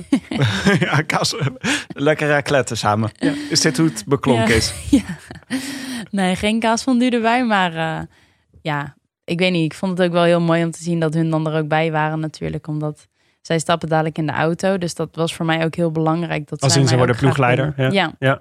En ook dat was voor mij heel belangrijk uiteindelijk. Dat ik de keuze maakte om naar SD-Works te komen. Omdat ik, ik wist van oké, als ik naar SD-Works ga. Hun zijn er ook heel erg bij gebaat om mij beter te maken. Zeker omdat ze dadelijk in de auto stappen natuurlijk. Ja. Ehm, dus ja, dat vond ik heel, heel cool idee. ja. Had je weer eh, zoveel andere mogelijkheden ook? Net als bij Park, ten, ten tijde van Parkhotel? Als Ja. dat je nog naar zes andere ploegen ook kon? Ja, in principe wel, ja. Nou ja, lekkere luxe zeg. ja, ja fijn. Ja. Oké, eh, we ontkomen niet aan. Even de rubriek afsluiten. Net hoogtepunt gevraagd. Dieptepunt. Ehm, ja, ik ben geneigd om de Spelen te zeggen. Ja? Maar ja, dat is dan eigenlijk ook weer stom, omdat het is natuurlijk, het was super gaaf dat ik daarheen mocht. Dus dat, dat is dan altijd de tweede gedachte die opkomt. De, ene, de eerste gedachte is dan gelijk van, ehm, ja, dat ik niet voor mijn eigen gevoel niet heb kunnen presteren zoals ik wilde op te spelen. En dan natuurlijk sowieso dat we als team niet hebben, tenminste, uiteindelijk reden we niet eens een hele slechte wedstrijd, denk ik. Maar goed, het- Je was gewoon Het iemand was- vergeten. ja, en dat, en dat maakt het gewoon heel erg, heel erg dubbel. Maar ja, aan de andere kant was wel weer de spelen. Dus Ja. Het, is ook weer geen, ik kan het ook geen dieptepunt voor mijn gevoel noemen natuurlijk. Nee, want dat las ik inderdaad. Dat, jij, dat is natuurlijk bij niet elke wielrenner is dat het geval, volgens mij. Maar dat je de Olympische Spelen is voor jou wel echt een ding, zeg maar. Als in, voor mij ook hoor. Ik vind dat geweldig, het, het allerhoogste podium. Maar Ja. bij wielrenners is dat natuurlijk heel lang niet per se zo geweest. Nee, nee ik denk dat een wereldkampioenschappen misschien, eh, ja, ik vind dat lastig. Als je moet kiezen tussen een spelen of een wereldkampioenschap. Ja, wereldkampioenschap is super mooi, omdat je natuurlijk in een trui mag rijden. En spelen, Ja, ja, is ook weer super mooi, want dat ben je voor vier jaar. Ja, nu dan voor drie jaar, maar... ja, Eh, normaal ben je dat gewoon voor vier jaar. En ehm, ja, het is toch wel. Voor alle andere sporten is spelen gewoon het aller, aller, allergrootste wat er is. Ja. En dat merk je ook gewoon qua, qua media-aandacht en dat soort dingen. Dat het gewoon huge is. Als er iets gebeurt daar, dan ja, iedereen zit er bovenop. Dus dat is. eh, ja. ja. Maar je zei, ik vond het, het, het, is voor jezelf was het teleurstellend. Hoe heb jij die koers beleefd? Hoe, ging, hoe, hoe, hoe verliep jouw koers? Ja, Of wat was er zich, teleurstellend aan? ik denk dat het begin was heel, heel langzaam in die wedstrijd. En vaak hou ik daar al niet zo van. En dan was het ook nog eens super warm. Mhm. Dus dan, ja, het is dan een beetje alsof mijn lijf een beetje in de slaapmodus gaat of zo. Ja. En dan, toen moest ik daarna de aanval openen. Ehm, ja, en daar hou ik dus ook al niet zo van. Omdat het dan dus, het is zeg maar van, van de ene uiterste tot het andere uiterste. Dus de, de ene, eh, ene, ene moment reden we echt slakkentempo. En daarna moest ik echt vol aanvallen. En ja, dat, dat vindt mijn lichaam nooit zo lekker. Of tenminste mijn hoofd, ik weet niet. Ja, Dat, dat voelt gewoon kut. ja. Ehm, Zeker in die hit ook. ja, en die hitte, ja, en omdat het dus zo langzaam ging, sloopt die hitte heel langzaam in je lijf. En ehm, het ging ook fout met mijn voeding. Dus ehm, ik had op een gegeven moment te veel eh koolhydraatbidonnen leeg, zeg maar. Of in ieder geval te veel ehm, ISO in mijn bidonnen gehad. mhm. En eh, ik wilde water eigenlijk, maar ik had op een gegeven moment één waterbidon aangepakt. Nou, in ieder geval, ik had meer water moeten drinken tussendoor, omdat, omdat het zo langzaam gaat, eet je dus en drink je goed. En Ja. had ik dus gewoon op een gegeven moment te veel koolhydraten binnen gehad, denk ik. En eh, Je had gewoon te veel tijd. ja, ik had te veel tijd. en daardoor was mijn maag eh, ondersteboven gegaan, zeg maar. Dus op een gegeven moment reed ik voor mijn gevoel met een baksteen in mijn, in mijn buik. en ja, was ik super misselijk. En alles wat ik at of dronk, ehm, ja, kon ik niet echt heel goed binnenhouden. Ja. En dat, dat zorgde er dus voor dat ja, mijn koolhydraten werden ook niet meer opgenomen. Dus op een gegeven moment reek ik gewoon echt met blokkenpoten. En, en een mega kut gevoel in mijn buik. Dus ehm, ja, ik kon daar ook niet presteren voor, voor mijn idee ja. eh, als dat ik normaal kan. En zit je dan extra te balen omdat je denkt, verdorie, dit is gewoon de Olympische Spelen en dit, Ja. dit gebeurt nu? Ja, eh, ook. Maar goed, in, op dat moment in de wedstrijd zelf probeer je het vooral een beetje te negeren. Ja. En probeer je vooral te doen wat je nog wel kan doen. Dus ik probeer dan nog steeds te blijven eten en drinken. Ehm, maar goed, ik had geen waterbidon op een gegeven moment meer. Ehm, dus ja, drinken werd heel lastig, omdat ik dus dan nog steeds koolhydraten binnenkreeg. En ik had gewoon eigenlijk water nodig om, om te spoelen. Maar ik kon niet meer aan water komen. Dus dat was, eh, ja, dat was niet het meest ideale. En Nee. dan, eh, ja, dan gaat het ook in je hoofd zitten. Hè? Van kut, ik moet water hebben. Want het gaat helemaal niet goed. Ja. Tenminste, het ging al niet meer goed. Dus ja, dat was balen. Maar heb je het onthouden als de Olympische Spelen als een wedstrijd waar gewoon alles fout in ging? Ja, voor mijn gevoel, eh, ja. Eh, Tenminste, eerst ging het niet helemaal fout om, voor mijn idee, omdat we het gat natuurlijk uiteindelijk dicht hadden. Ehm, en dus naar ons idee won Annemiek gewoon. Tenminste, dat wist ik op dat moment niet, want dat dacht jij, maar jij dacht dat... Ja, ik was gelost. Dus Ja. toen ik over de finish kwam, toen viel ik, vroeg ik meteen, ja, wat is er aan de hand? Maar ik kreeg geen duidelijk antwoord, dus ik snapte het al niet helemaal. Ja. Dus ja, ik bleef maar vragen. En, en, en. En toen zei op een gegeven moment iemand van... Ja, Annemiek, die kwam, die, die kwam als eerste over de finish. Maar, maar toch niet of zo. Dus toen dacht ik al van... Hé, wat is dit? Ja. Ehm, dus ja, toen uiteindelijk... Toen, toen vertelde ze me van... Ja, er was er nog iemand voorbij, voor... ehm, die zat er nog voor. Dus toen vroeg ik, wie dan? Ja, een Oostenrijkse. Wie dan? En ja, toen zei ze... Ja, kiezen over. Wie? Dat was voor jou ook totaal onbekende. Ja, ik had ook geen idee. Dus ehm, ja, dat. eh, ja, ik weet niet. Dus de wedstrijd uiteindelijk kwam wel goed voor ons idee. Maar toen uiteindelijk over de finish eenmaal. Ja, toch uiteindelijk ook weer niet. Nee. Ehm, Ja, het is nogal een belangrijk detail natuurlijk, dat iemand anders... ja, ja. En dan daarna ga je langs de media. En dat, dat was misschien nog wel het aller, allerergste. Dat, je, dat het besef kwam van shit. Ja. Ehm, heel Nederland, heel de wereld zag dit aankomen. En wij niet. Mhm.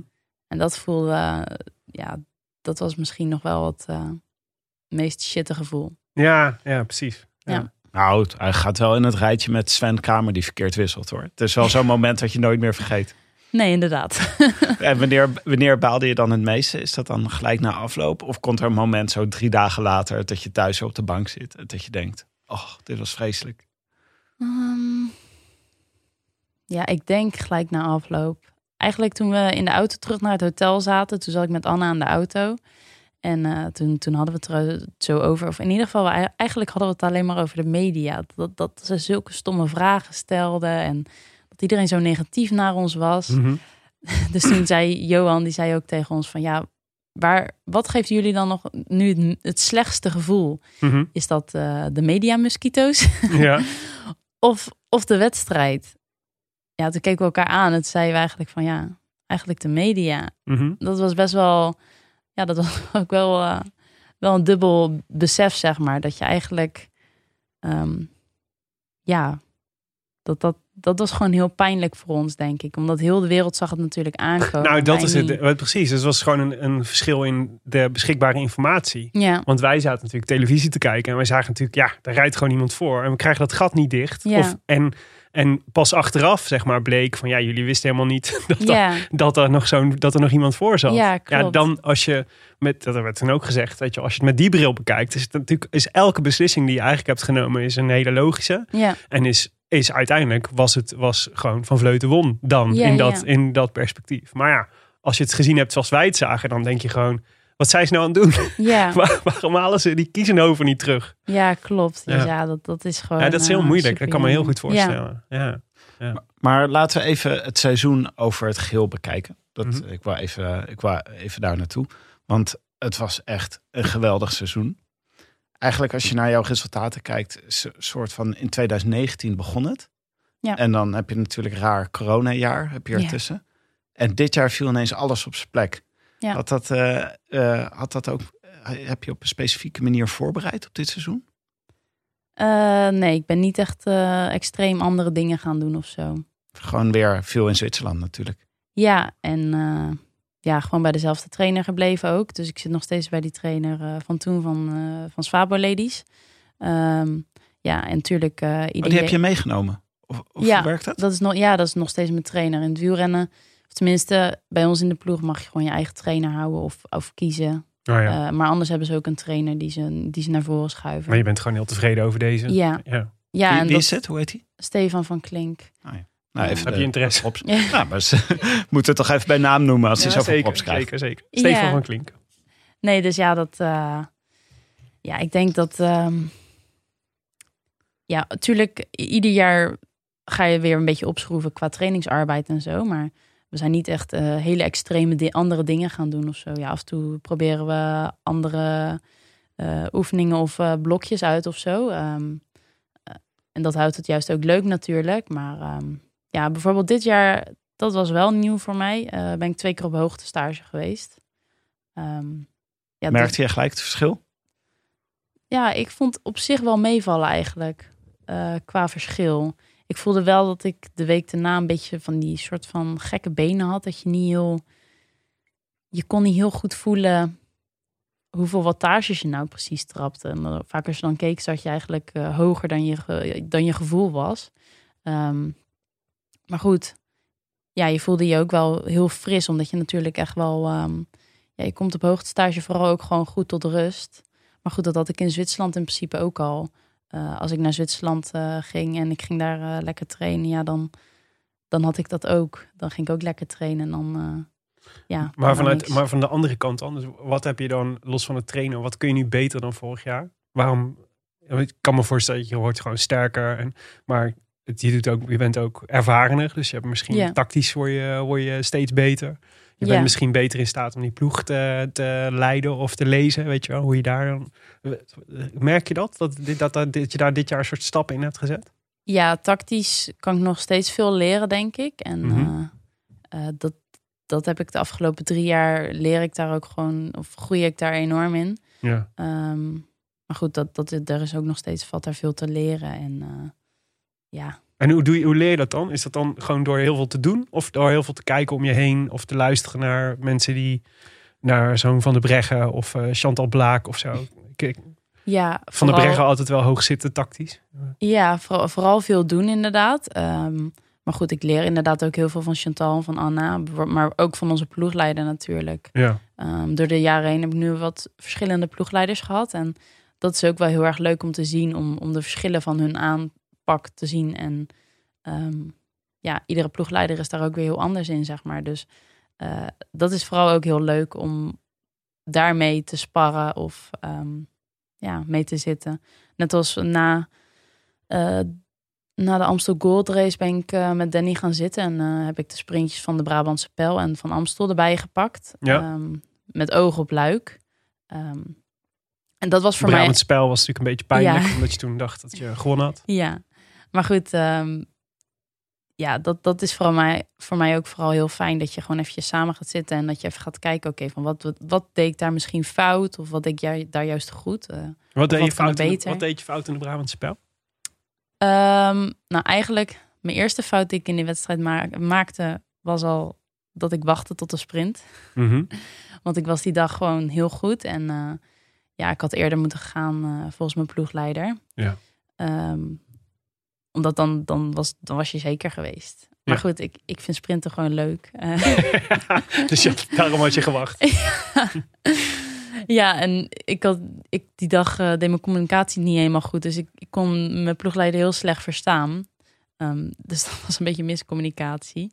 En eh, voor mijn gevoel was wachten op de sprint ook veiliger, omdat ik het wel kon in de sprint, dacht ik. Maar goed, dat, dat, Ja, dat was ook bijna anders. het geval. ja. En volgens de finishfoto had je eigenlijk gewoon gewonnen, volgens mij. Ja, en dat was ook echt mijn gevoel. En dat zeg mijn gevoel nog steeds, dat ik daar win, won. Dus Ja. ja, dat was wel heel dubbel. Maar goed, eh, En Ik vond het heel raar, maar ja, het was, ik heb je dat teruggezien, die, ook die camerabeelden en zo. Ja, ik heb van alle kanten de foto's ongeveer gezien. Ja, maar dat is toch gek? Want het is toch, het was toch, of, of Willem is boos. Hij zit nu ook met zijn armen over Nou, elkaar. nee, heen. maar je had, je had meer van dat soort momenten gehad dit jaar. Ook met Pitcock en, eh, en eh, Van Aert. Die hadden ook zo'n Ja. die hadden ook zo'n moment. Waar het echt overduidelijk was. Eigenlijk vond ik dat Pitcock op basis van de finishfoto had gewonnen. Dat was volgens mij hier bij jou ook. Het was ook niet eens... Ik vond niet eens, het was niet eens zeg maar dat het gelijk was of zo. Ik vond het gewoon, je was, je was gewoon eerder. Dus Ja. de enige manier waarop dat kan is als de, als de, eh, de camera net verkeerd staat. Ja, Maar ja, dan moet je toch ergens anders bewijs van hebben dat die, dat die, dat, je moet toch ergens een camera standpunt hebben, zou je zeggen, waarin zij gewonnen had en niet jij. Vond dat heel ja. gek. ja, eigenlijk, dat was bij, bij, bij ehm, Wout en bij Pitcock was hetzelfde. Dat eigenlijk alle foto's, bij mij ook, eigenlijk alle foto's leken het alsof ik won. Ja, Alleen de officiële juryfoto was dat niet. ja, En daar hebben ze van die lijntjes op getrokken. Maar ja, ehm, je ziet niet op de foto de lijn die, je, die jij ziet, zeg nee, maar. ja. Dus eh, ja, goed, dat, dat zou als het goed is natuurlijk allemaal goed moeten liggen en zo. Maar Dus Ja. is kennelijk niet altijd zo. ja, ik, ik weet het niet. En eh, bij mij op de foto zie je ook, eh, tenminste mijn wiel heb een hele rare vorm op die foto. Die is een soort van ovaal of juist die van Ruud Winder. Mhm. Ik weet niet precies, maar goed. Uiteindelijk is het ook een beetje een jurysport natuurlijk. Uiteindelijk zeggen ze gewoon, als het zo close is, uiteindelijk moet iemand de beslissing maken. Ja, Ja, Dus ja. Mensen die wij niet zien. Het zijn gewoon mensen in een hokje ergens. Dus dat is Ja. ook go- goede mensen om boos op te zijn. ja maar kijk, ik vind wel, je moet het dus, je moet het dus wel kunnen, los van de jurysport. Ja, dat is, dat is natuurlijk waar, maar het is op zich is het natuurlijk, er is iemand eerste, of je bent echt op, op ja, je kunt ook gewoon zeggen, het is gewoon ex equo eerste, zeg maar. ja. Maar als je zegt dan Winder wint, dan wil je toch ook gewoon in ieder geval bewijs zien dat, dat, dat er ergens een, een, eh, een beeld is waarop zij wel wint, zeg maar. Volgens of en dat, Dat is die officiële foto, zeg maar. en die heb jij wel gezien. Ja, ja, dat was de enigste die ik te zien kreeg ook. Ja, ja. Ehm, En daarvan zei jij, daarvan, daar was zij ja, eerst. Daardoor, op die foto zie je haar wiel net iets eerder dat gestrokken streepje trekken, eh, halen, zeg maar. Dus Ja. Ja, maar we hadden het over hoe goed dit Oh, ja. seizoen was. Ja, ja, ja, ja. En maar wat, wat, wat deed je dan zoveel beter? Wat ging er zoveel beter dit seizoen ten opzichte van de, van de vorige twee seizoenen? Ehm, ja, misschien dat ik nu, nu een ploeg om me heen had die eh, tot diep in de finale mij ook echt, echt daarin kon steunen. Ehm, Het is echt de kracht van de ploeg die je nu... eh, Ja, ook wel. En ja, ik ben natuurlijk ook gewoon weer sterker geworden en ook tactisch beter. Maar ehm, ja, gewoon, ja, ik had dit jaar ook gewoon echt een supersterke ploeg om me heen. En, en bij Parketal had ik ook een hele fijne ploeg om me heen. En die meiden gingen ook altijd echt voor me door het vuur. Dus ehm, dat maakt het ook super mooi. Alleen, ja, in wildtourwedstrijden was het gewoon net even een beetje, beetje wat lastiger natuurlijk voor ons eh, toen met Parketal. Maar eh, ja, nu heb ik gewoon een wereldploeg om me heen staan. Dat, is, eh, dat, dat maakt het, ja, ook wel dat je, dat je kan winnen, denk ik. En waar valt dan nog veel winst te behalen? Heb je, heb je iets in je hoofd waar je echt nog in kan verbeteren? Ehm, ja, dan denk ik gelijk aan tijdritten. Tijdritten kan ik nog verbeteren. Ja, ik dacht dat ook tot ik je in, Brit in eh, Great Britain eh, bezig zag. Ja, Ze won een tijdrit met, eh, wat was het, anderhalf minuut voorsprong of zo. ja, een minuut en een beetje geloof ik. Ik weet niet Nee, dat precies. was niet echt normaal. maar- Ja, Ook niet leuk voor de anderen. Maar je wil graag drie minuten volgend jaar hebben. Ja, dat is het mooiste, ja. nee, eh, vooral qua mijn houding. En eh, ja, dat was een hele technische tijdrit. Dus dat was het ook wel. En wel best wel wat klimmetjes en zo. Dus ehm, dat lag me goed. Maar Beetje Ardens. ja, maar als het zeg maar een, een wat vlakkere tijdrit zou zijn... en wat meer rechtdoor, dan... ehm, ja, dan is het al wat lastiger. Dan verlies je nog eh, gewoon van Elf van Dijk, ja, zeg maar. Ja, ja, zeker. Dus ja. Ja. ja, daar moet ik gewoon nog heel veel in verbeteren, denk ik. Maar dat gaat misschien ook wel ten koste van eh, bijvoorbeeld klimmen. Nou, op zich niet, want klimmen zijn, tenminste lange klimmen, dat zijn natuurlijk ook lange inspanningen. Dus wat dat betreft is het wel weer een beetje dezelfde trainingsarbeid Ja. die je doet. 20 minuten blok of zo. En wat, wat zijn nou eigenlijk de, de koersen die jou het beste liggen? Dat is dus een, een koers als Luik, Bastenaken, Luik? Of zijn het, zijn het ook nog andere koersen? Dat vind ik de leukste wedstrijden, maar ehm, ik denk dat ik afgelopen jaar ook wel heb laten zien dat ik heel goed ehm, hele lange klimmen aan kan. Alleen dat vind ik vaak, Vaak zijn dat van die wandeletappes aan het begin. Ja, dan val je in slaap. En dan val ik in Ga slaap. je, te, ga je te veel eten?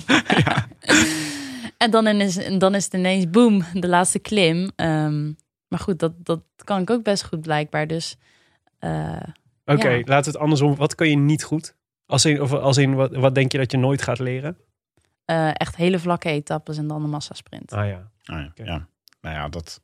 Maar ik vind, wel, acceptabel. Ja. ik vind wel dat je veel wapens hebt. Wij maken altijd een beetje... Nou ja, We, maken, we, we zeggen dat er een WhatsApp groepje is van moderne wielrennen. Waar renners in zitten die superveel eh wapens hebben om te gebruiken tijdens een koers. Die heel erg veelzijdig zijn. Maar dat is voor jou natuurlijk ook wel een luxe. Dat als je naar de finish rijdt, dat je, je, je kan gewoon, je kan leunen op je sprint. Maar je kan ook voor demereren gaan of mensen raf rijden bergop. Ja. Wat is eigenlijk je favoriete manier om dan de koers te beslissen? Ja, toch een beetje de sprint. Ik weet niet, dat vind ik altijd heel mooi om, om een sprint te winnen. Omdat je dan Ja. echt op de finish het gevoel hebt van yes, ik heb gewonnen. En dan blijft het tot het eind ook spannend. Maar Dit is gewoon, jij moet gewoon gespannen. Is dit gewoon het thema dat jij. Je moet de spanning erin houden. Je gaat daarom niet demareren, omdat je tot het einde die spanning nodig is, hebt. Dit is Mathieu van der Poel, waar ze bang zijn zeg maar, voor acht uur koersen. Niet omdat hij het niet aan kan, maar omdat hij, zich, omdat hij te verveeld raakt. Ja, dan gaat hij naar uur twee demareren. Ja. En steentjes gaat proberen wegchipsen met zijn wiel. Daardoor valt. Maar kan je dat dan komend seizoen ook niet proberen? Om gewoon af en toe gewoon eh, in een koers van eh, 150 kilometer, om dan gewoon na 20 kilometer te gaan. Ja, dat, eh, dat is wel Kunnen we dat doel. afspreken, Demi? Nou, het, is zeker, het is zeker mijn doel om meer, eh, meer op solo rijden, zeg maar, ook nog te kunnen insteken. Omdat ik dat nog heel weinig geprobeerd heb voor mijn idee. Ja. En dat moet ik ook zeker kunnen, denk ik. Dus ehm, ja, dat wil ik zeker proberen. Echt leuk om dat een keer echt een hele grote koers te proberen. Gewoon volgend jaar bij het WK. Dat jij gewoon. Ik denk dat je sowieso de Nederlandse ploeg iedereen in de war brengt. Als er iemand na 20 kilometer gewoon gaat de- demareren. Ja, Ja, gewoon mee met Kiezenhoven. ja. Die kun je wel hebben in de sprint hoor, denk ik. Hey, ehm, eh, wat, eh, we hadden- noemden net in de introductie al, je staat natuurlijk, eh, je bent natuurlijk een beetje de kroonprinses. En, en eh, met, terwijl er nu ongeveer drie koninginnen zijn. wat, wat leer je eigenlijk van die, ook zo'n zo'n Tokio? Wat leer je nou van, eh, van, van de Breggen en Vos en van Vleuten?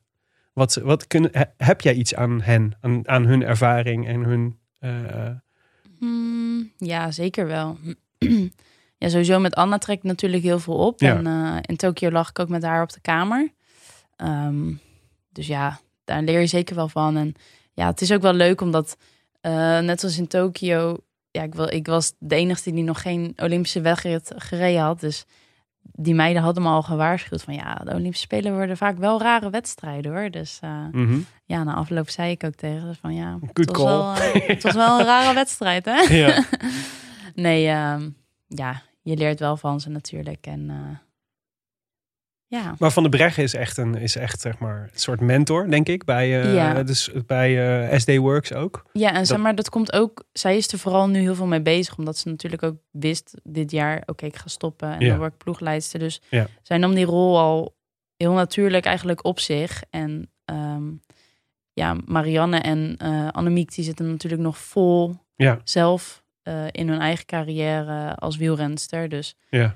ehm, ja, Wat, wat kun je, als je nou eens naar, naar hen kijkt, wat, is dan, wat zijn dingen die je in hen bewondert? Of waarvan je denkt van dat zou ik, die vind ik echt heel, dat vind ik heel bijzonder aan, aan die dames.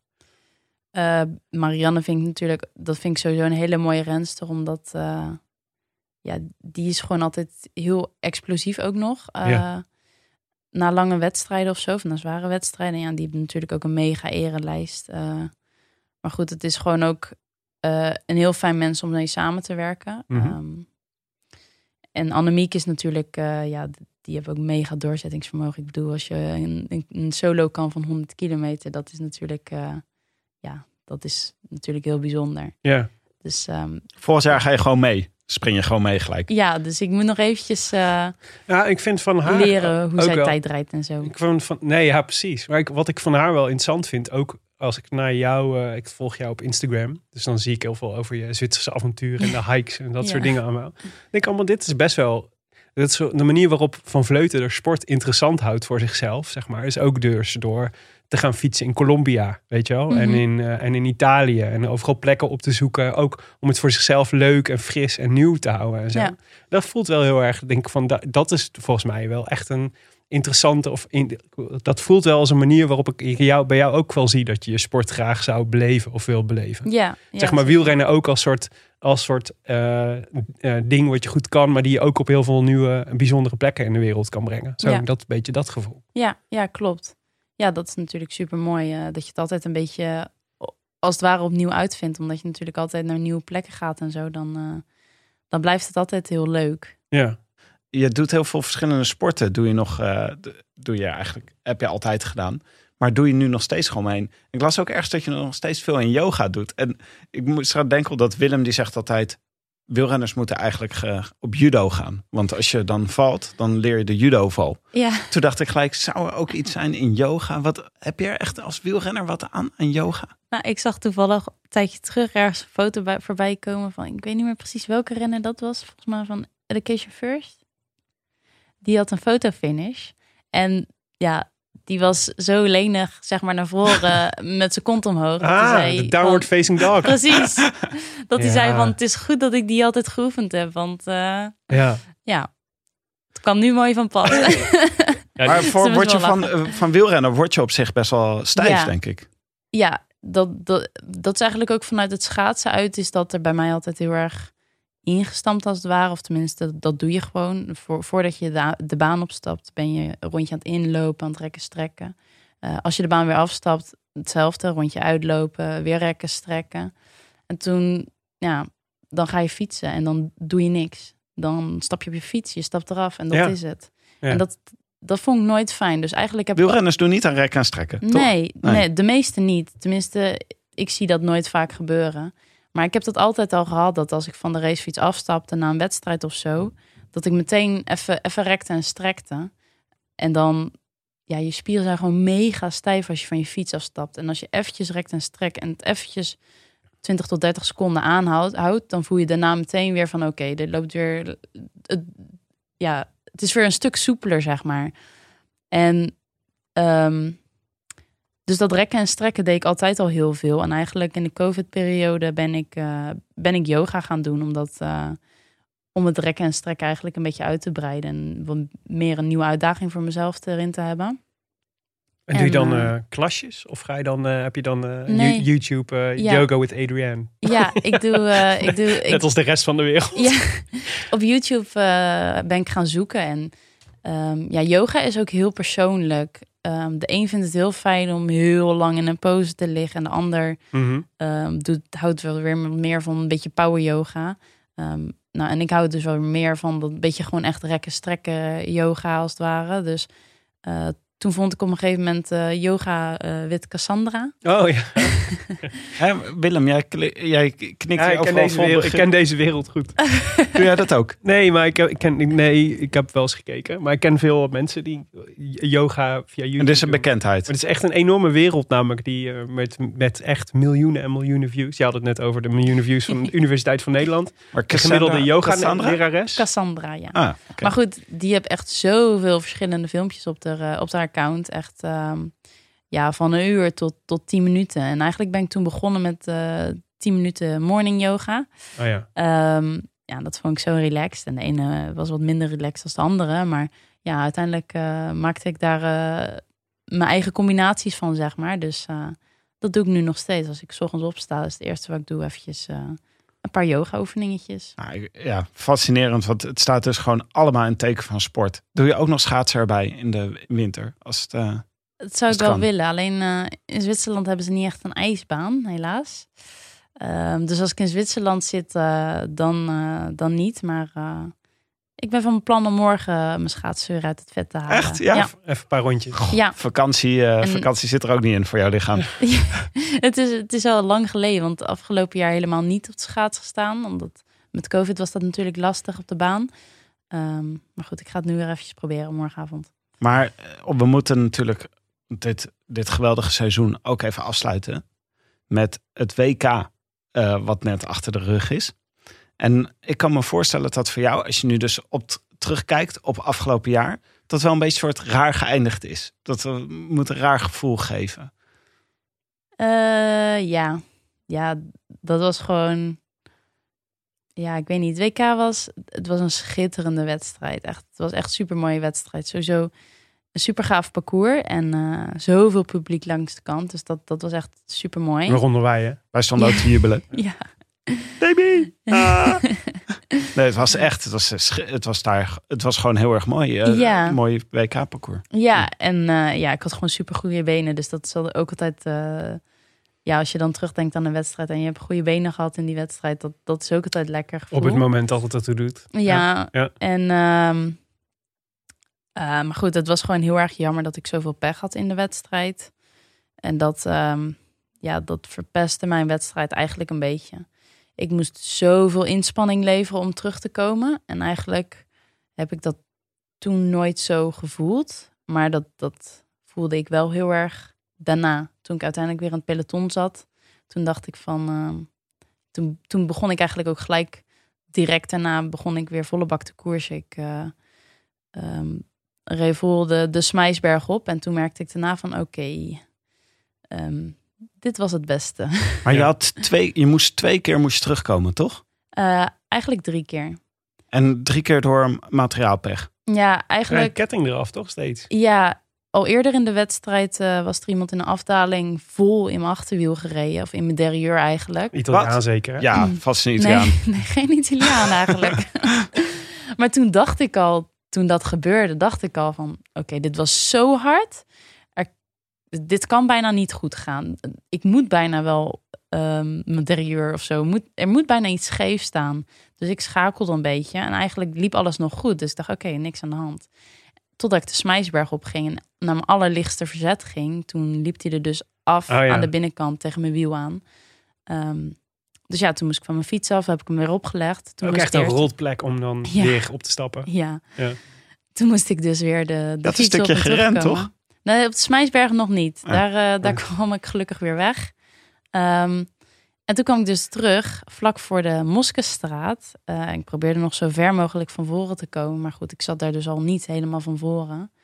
Eh, wat ik, waar ik alweer van, van baalde natuurlijk. Want je wilt op de Moskestraat als eerste oprijden natuurlijk. Ja, en dat is voor jou denk ik ook belangrijk. Voor dit Ja. parcours was dat een belangrijke plek. Ja, want ik had graag wat op de Moskestraat willen proberen daar. Ehm, dat is gewoon een klimmetje, wel, dat vind ik gaaf. Een mooi klimmetje en het ligt me wel. Ehm, maar goed, ik was er al bang voor, omdat het op Smijsberg natuurlijk al gebeurd was. Dacht ik, oké, ik probeer niet naar mijn aller, allerlichtste te gaan. Maar goed, toen was ik daar in de buurt, toen vloog hij dus weer eraf. Maar even voor mijn begrip, dat komt dus omdat gewoon het kleinste verzet kapot is. Omdat Nou, die tandwieltjes verbogen zijn. uiteindelijk stond mijn petje stond scheef. Waardoor die dus, ja, in plaats van dat hij hem op mijn laatste tandwieltje legde, zeg maar, legde die hem tegen mijn wiel aan. Ja, er voorbij duwde. Ja. ja. Oh ja. Ehm, dus ja, toen moest ik van de fiets af. Toen legde ik hem er weer op. Toen dacht ik, oké, van dan ga ik zeg maar op mijn ene laatste lichtje, eh ene laatste tandje naar boven fietsen. Maar ja, die klim is zo stijl, dus dat haalde ik niet. Dus toen moest ik weer van mijn fiets af. Toen ben ik gewoon maar gaan rennen naar eh, boven, want ik dacht van ja, de auto zit hier niet achter. En eer dat hij wel achter me zit, uiteindelijk waren de auto's daar ook afgeleid. Dus Een Froome-pje. nooit- Ja, Mag ik niet, hè? Hm? Mag toch niet, eigenlijk? Rennen? Nee. Dit, hebben, zo? dit hebben we ooit opgezocht natuurlijk omdat Chris Froome een stukje Ja. rende. En wij Ah. graag wilden dat hij daarom gedisqualificeerd zou worden. Oh, Ja, maar volgens mij is het officieel UCI-reglement. Dat je niet mag, eh, dat je, je moet de afstand fietsend af, afleggen. Dus niet lopend. Je hebt dus een deel Ja, van het parcours niet fietsend afgelegd daardoor. Ja. Dus wees blij dat je geen wereldkampioen bent geworden. Want dit had een heel naar staartje kunnen krijgen. Oké, dat wist ik niet. Nee, maar goed, ja, ik was op dat moment blij dat ik af en toe hard loop. Ja, Ja. snap ik. Maar goed, dus toen kwam ik boven en toen stond de mechanieker daar met bidonnen. Want die was dus bidon aan het aangeven die je waarschijnlijk kan verliezen op de Moskestraat. Dus die riep gelijk aan, naar mij van, wat is er aan de hand? Dus ik zei, ik heb een nieuwe fiets nodig. Dus die rende meteen naar de auto, die stond te wachten bij de afleiding daar. En eh, dat duurde dus eventjes eer dat de auto er was. Eh, En de fiets er was. en eer dat de fiets van dak was en eer dat de fiets er was, dat duurde weer weer eventjes. Dus Maar wacht, dit was was toch waar ik aan refereerde in de inleiding. Dus dat zeg maar je fiets niet aan de zijkant stond, maar middenop. ja. Ja. Dus Waar mijn- achteraf de, eh, de verklaring van kwam Dat je verbaasd, dat er verbazing was over dat je eigenlijk op dat moment er pas achterkwam. Ik ben niet de kopvrouw. Want mijn fiets Ja. staat niet aan de zijkant. Ja, dat, eh, dat was jammer. Ja. Maar goed, eh, uiteindelijk, ja, dat is dan ook een beetje jammer van tevoren. Ehm, ja, we mochten allemaal natuurlijk voor onze kans gaan. Dus dan, ehm, ja, ik weet niet. Eigenlijk, als je van tevoren weet hoe de fietsen op het dak staan, dan weet je dus eigenlijk al van oké, dan Ja. is het vandaag niet voor mij. Ehm, maar dat wist ik niet. Maar goed, dat, dat maakt ook allemaal niet uit achteraf. Uiteindelijk moet Nee, maar er het is een wel een rot moment om erachter te komen. Ja, dat- dat- de koers. Dat wel natuurlijk. Ook niet per se heel handig. Nou, gewoon Nee. even bespreekbaar maken op zo'n moment, vind ik. Even halverwege de koers. Wat gebeurt hier nou eigenlijk? Ja.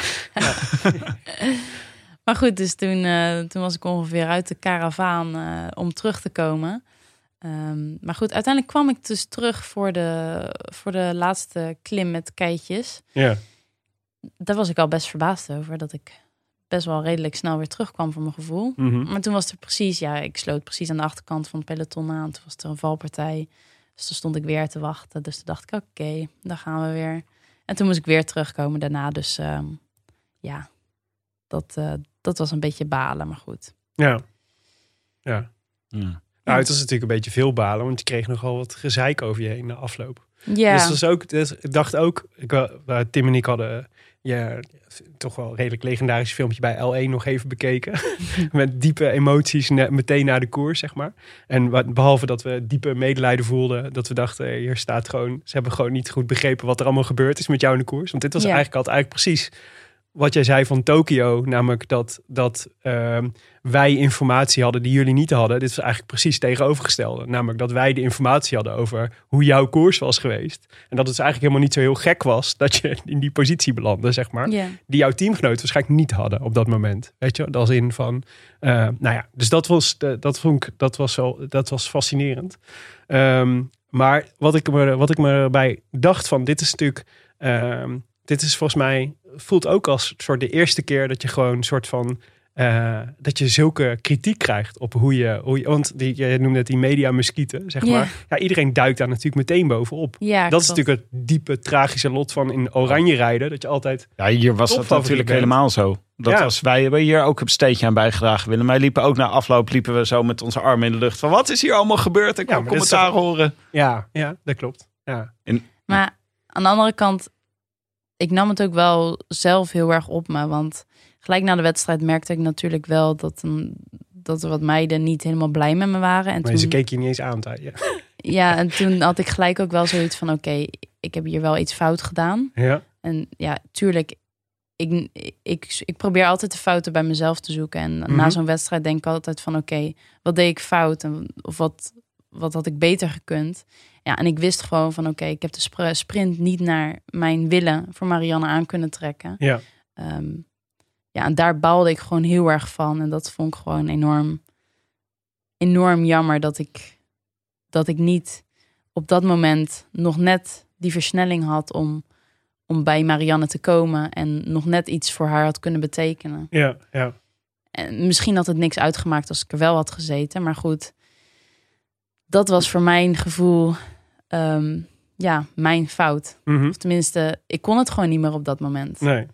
Ehm, Wat volstrekt begrijpelijk is, toch? Als je zo'n koers met zoveel pech hebt gereden en zo vaak hebt moeten terugkomen, ja, dan is het eigenlijk de enige waarvan je dan denkt, wat in jouw geval vervelend was, was dat je nog gewoon een goede ereplaats sprinten, zeg maar. Waardoor het natuurlijk een beetje het beeld is van, ja, maar ze, als je, hoeveel werd je? Zeven of acht of zo? ja, en dat, dat telt voor mij echt totaal niet. En dat raakte mij aan na afloop ook dat heel veel mensen zoiets hadden van ja, maar Demi heb ook gewoon nog gesprint. Maar Ja. ik heb daar nooit, nooit voor mezelf gesprint. Ik ben Mhm. daar altijd bezig geweest van. Want op een gegeven moment toen Marianne met de twee Italiaanse ehm, vooruit zat, zeg maar. Mhm. ehm, toen deed ik nog één laatste poging om daarbij te kunnen komen. Ja. Ehm, omdat het nog best wel een groot stuk was naar de finish voor Marianne en de Italiaanse. En ik dacht, dit is geen goede situatie. Want Marianne heeft twee Italiaanse bij haar. Mhm. Stel dat, het niet, dat, het, eh, dat de snelheid nu zakt. Ja. Ja, dat is shit voor Marianne. Want ik, weet, ik wist van Marianne van tevoren dat ze daarvan houdt als de snelheid hoog ligt eh, voor haar voor een sprint. Ja. Ehm, dus ik probeerde nog met alle macht die ik in me had om daar nog naartoe te springen. En nog eventueel daarop gang, te kunnen trekken. Maar dat, dat lukte voor mij gewoon niet meer. Mm. En vanaf het moment dat ik zag dat, ik dat, dat dat niet meer ging, zeg maar, toen, ja, toen was het voor mij gewoon peddelen naar de finish. Ja, precies. En dan Ehm. word je toevallig nog. Ja, en Ja. Als, ik, als, ik, als ik voor mijn eigen kansen gesprint had, dan had ik misschien, of tenminste, dan, dan had ik voor een derde plek gegaan. Ja, Eh, en dan had ik niet, eh, niet zevende geworden, zeg maar. nee. Maar, goed, Alles, Ik- kan, alles komt natuurlijk ook in een soort... Kijk, dat zeiden wij toen ook. 9 van de 10 keer wint Vos die sprint toch gewoon? Zou je Ja. zeggen? ja, Marianne is natuurlijk een supergoeie sprintster. En, Ja. Maar goed, En Balsamo is dat ook. ja, maar is, zij- moet beter, toch? Normaal gesproken in dat soort, maar op dat soort momenten. In dat soort koersen denk ik dat Marianne Ja, ehm, de sterkere renster is. Maar aan de andere kant, Balsamo heeft gewoon een ideale wedstrijd gereden. Hè? Want ja. Zij heeft nooit ergens mee hoeven springen of ehm, ja, iets hoeven doen als het ware. Want alle Italiaanse die, die zaten er gewoon altijd bij. En Ja. die, die hebben alleen maar de hele wedstrijd gereageerd. En Marianne die, die sprong wel altijd mee. Dus altijd het eerste groepje wat over de wijnpers heen kwam, zat Marianne in. Mhm. Eh, en Balsamo volgens mij niet. Dus daar heeft Balsamo door de hele wedstrijd een beetje kunnen sparen als het ware. ja. Ehm, en Marianne heeft daar gewoon altijd een mega inspanning geleverd.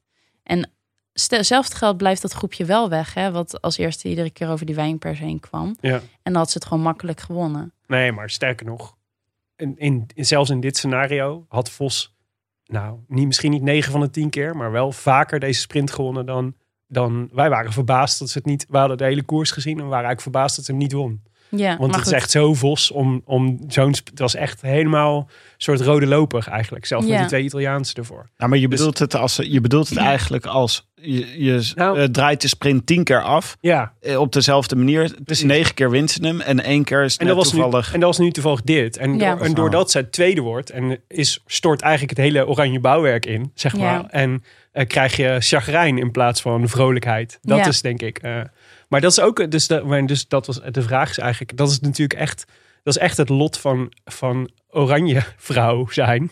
Is dat je, je, hebt, ja, je kunt eigenlijk alleen maar verliezen. Zeg maar, winnen is, is eh, wat iedereen verwacht. Ja. Dus dan is alles, al het andere is gewoon super slecht meteen. Zelfs tweede Ja. en zevende worden in, op een WK. Ja, klopt. Ja, dat, dat maakt het ook altijd heel erg lastig voor ons. Dat iedereen er altijd maar vanuit gaat dat we winnen. Ja, Maar voor Lieverlee ligt het, eh, ligt het niveau in het hele vrouwenpeloton zo hoog dat het echt niet meer zo heel makkelijk is. En ehm, ja, je ziet het nu aan Italië. Ik denk dat Italië echt een perfecte wedstrijd gereden had. ja. En eh, ja, wij gewoon niet perfect waarschijnlijk, maar goed. Ja, en waar jullie denk ik ook wel last van hebben, is dat je, wat jij net beschreef over je eigen ploeg, dus SD Works, wat Mhm. ook een ploeg is met allemaal zulke, wat eigenlijk, die allemaal eigenlijk bij een willekeurige andere ploeg waarschijnlijk kopvrouw waren geweest. Ja, Dat is natuurlijk in een soort gelegenheidssamenstelling van, an- van allemaal supersterke rensters. Het is natuurlijk veel moeilijker te organiseren. Toch? Zeg maar, het is natuurlijk veel moeilijker om soort diezelfde samenhorigheid. Het zijn altijd maar enkele wedstrijden waar je, weet je, je hebt de Olympische Spelen, het WK, het EK misschien, zeg maar. Mhm. Waarop je met elkaar, voor elkaar, het zijn wedstrijden die iedereen wil winnen. Het Ja. Voor iedereen is de kroon op het werk. Lijkt me ook echt heel ingewikkeld om dat dan met elkaar gewoon af te spreken en af te stemmen en ook voor één doel te rijden of zo. Is Ja. dat zo? Is dat ingewikkeld? Ja, tuurlijk. Iedereen wil uiteindelijk eh, dat truitje winnen. Maar ik denk als daar hele duidelijke redel- regels van tevoren over, over eh, afgesproken worden, dan, dan is dat in mijn ogen niet heel moeilijk. Mhm. Want als er tegen mij gezegd wordt van oké, eh, We gaan vandaag vol voor Vos. ja, dan Ja. is de boodschap duidelijk natuurlijk. Ja. Ehm, maar dat wil je natuurlijk wel ver van tevoren weten. Ja. Want Niet Eh. halverwege de Moskusberg. nee, Nee. maar ook gewoon qua, qua trainingsarbeid ernaartoe. Ja. Ehm, je bent aan het begin van het jaar zet je je pieken neer, waar wil je goed zijn. Ja. Ehm, nou ja, en dat geldt voor alle, alle meiden in, in de Nederlandse selectie. Dat eh, ook al is het je niet je piek, kan je nog steeds heel goed zijn voor je ploeggenoten natuurlijk. Ja. Ehm, dus ja, ik denk als daar gewoon, eh, ja, als je gewoon heel duidelijk te horen krijgt wat je taak is of, of wat je moet doen, dan, eh, dan is dat in mijn ogen niet een probleem. Wat ik heel grappig vond, was in dat, in dat, eh, dat eh, L1-stukje. daar werd dus door die Limburgse verslaggever gerefereerd aan de Belgen. die de dag erna zouden rijden. En die, daar werd gezegd: Hm. ja, die had je niet veel beter zoals zij kunnen aanpakken. Namelijk, die hebben van tevoren allemaal gezegd: we gaan voor Van Aert rijden. Ja. Ik weet niet of dat je Ja, dat is het, de laatste, het, laatste, st- nee, maar het laatste, st- laatste interview met Jasper Stuyven hebt gezien over Remco Evenepoel. Nee, Die was, ehm, laat ik zeggen, de, die was niet, die was, waren niet heel erg overtuigd dat Remco voor, eh, voor Wout van Aert had gereden. Oh.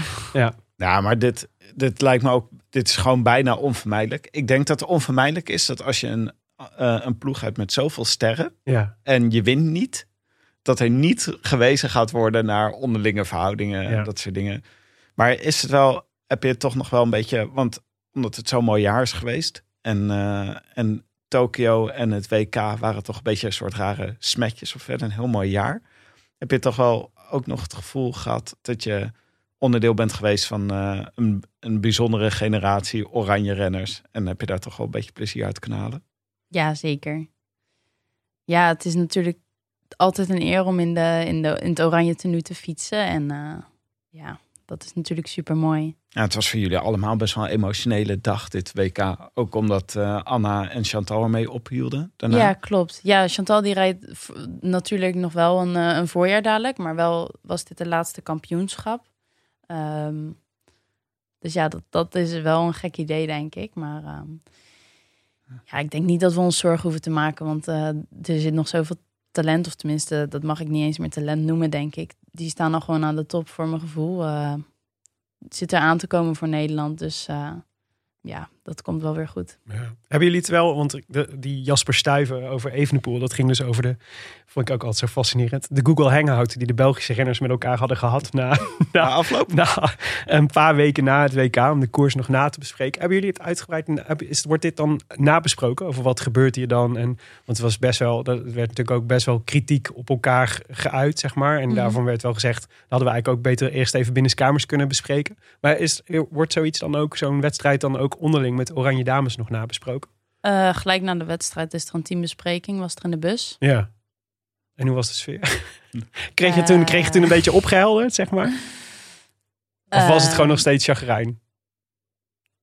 Ja, het, het ging er vrij heftig aan toe in de bus. Ja. Ehm, maar goed, dat, dat is natuurlijk ook gelijk na het heetst van de strijd. Het lijkt me echt een heel slecht moment voor een evaluatie. Maar Eh, goed. ja, Ja. misschien wel, ja. Ja. Ehm, dus ja, dat, dat was vrij pittig. Ehm, maar goed, daarna, voordat we de bus uitgingen, hebben we wel eh, allemaal tegen elkaar gezegd van oké, hierna is het goed. Ja. Dus dat, eh, Oh, ja, qua rensters is het, tussen de rensters is het denk ik nu allemaal goed. Dat is Mhm. wel mooi. Dat vind ik wel mooi. Dus is- zelfs nog op dat verhitte moment, waar jullie nog allemaal vol met adrenaline zaten, hebben jullie tegen elkaar gezegd: nu is het goed. Ja. En eh, zijn jullie daarna nog Doet een me wel bij goed als oranje supporter. Ja, Willem is een eh, nogal hardcore oranje supporter. Ja. En maar er is geen Go Hangouts nog geweest waarin jullie met z'n allen even terug hebben gekeken op het jaar. Nee, misschien moeten we eventjes met z'n allen even flinke kroeg in en dan Ja, flink ja, zuipen. Ja. Zou misschien wel een goede zijn, ja. Ik kan me best wel voorstellen dat er na zo'n jaar zoveel ook gebeurt. avondje. ja, dat zou, ik denk dat dat, eh, dat dat fijn zou zijn als we nog, weet ik veel, een seizoensafsluiting hebben met de selectie of zo. Dat zou, eh, dat zou best een mooie zijn, ja. Maar we moeten ook gaan afronden. Maar we hebben ook heel veel vragen gekregen van luisteraars. Ja, het is Eh. vooral over het WK, uiteraard. Ja, Hield mensen nogal bezig. ja over het WK en over je wenkbrauwen. Dat waren eigenlijk de twee onderwerpen. en ze kunnen nu even, je, je kunt nu even ontspannen. Eh, de luisteraars vinden die wenkbrauwen echt eh, fantastisch. Heb je nog... eh, Ja. heb je- Ja, zal ik, weet, weet je waarom? Dat, we hebben daar wel eens eerder over gehad. Want het is natuurlijk in de coronatijd viel dat natuurlijk nog extra op. Omdat jij voortdurend geïnterviewd werd met een mondkapje op. Oh ja, ja. Waardoor je natuurlijk alleen maar ogen en wenkbrauwen ziet. ja. Dus dan, toen viel in één keer op, ze zijn echt uitstekend geëpileerd. ja. Ja, dat is wel belangrijk ineens voor een wielrenner. Ja, dat realiseer je niet. Dat is gewoon, En eh, in één keer bij Tom Dumoulin zag je in één keer, god, zij worden wel een beetje borstelig. En, eh, ja, dat is toch, kom je er slecht Ja. af. En dan wordt, wordt de pers helemaal vervelend. ja. Maar wat is het geheim? Eh, ik heb niet echt een geheim, geloof ik. Het is gewoon natuurlijk. Nee, maar zei je nou Ja. net dat jij... Had je, je had in een nagelsalon gewerkt? Ja, een haar-nagelsalon. Maar Ah, dus ik- je hebt niet daardoor geleerd om ze, om ze perfect te knippen. Ik, eh, ik ben niet heel, heel goed met make-up, moet ik eerlijk zeggen. Dus ik teken ze wel een klein beetje bij, omdat dat is een grappig verhaal trouwens. Toen, toen ik nog in de bloemenwinkels werkte, toen ehm, was ik op een gegeven moment voor een schoolopdracht was ik met een vriendinnetje bezig. En toen hadden we ons Chinese half uurtje, noemden we dat altijd. Ik weet niet waarom we dat zo noemden, maar altijd op een gegeven moment was je heel moe, omdat het waren hele lange werkdagen soms. We liepen ook stage bij twee arrangeurs en dat was keihard werk. En dan soms had je een hele dag niet, omdat er gewoon geen tijd voor was. En dan had je een half uurtje, werd je eventjes helemaal, eh kreeg zo'n hyperbui, zeg maar. En ehm, toen hadden wij kleine bloemetjes en die lijmden we op, eh, op, een, eh, op een profiel, zeg maar, op, op, een, op een werkstuk. Mhm. Ehm, en op een gegeven moment ging zij daarmee gooien. dus lieve bloemetjes naar elkaar te gooien. Maar er zat dus lijm aan. En toen gooiden ze dus zo'n bloemetje met lijm vol op mijn wenkbrauw. Maar dat was hele sterke 1 seconde lijm. Ah. Dus toen trok ik al mijn wenkbrauwhaartjes aan, Oh, aan de voorkant nee, dit doet echt pijn. Dan kan ik niet naar luisteren. En toen miste ik dus bijna mijn halve wenkbrauw. Dus ik heb één wenkbrauw die is wat aan de voorkant wat minder... eh, Toen dacht iedereen Wat dat minder vol. Ja, maar dan kom je Amerikaanse weer terug. hiphopster was. Nou, dat is sindsdien is dat er groeit aan één kant een beetje raar. Dus vandaar dat ik het aan één kant een beetje, een beetje, ik weet niet eens meer welke kant het is, een beetje, beetje aandik met, een- met een crush. Nee, maar goed. eh dit is eh, nou, ge- goed dat je dat Ja, gedaan echt serieus goed gemikt dan zeg. Ja, ja, ja. Ja.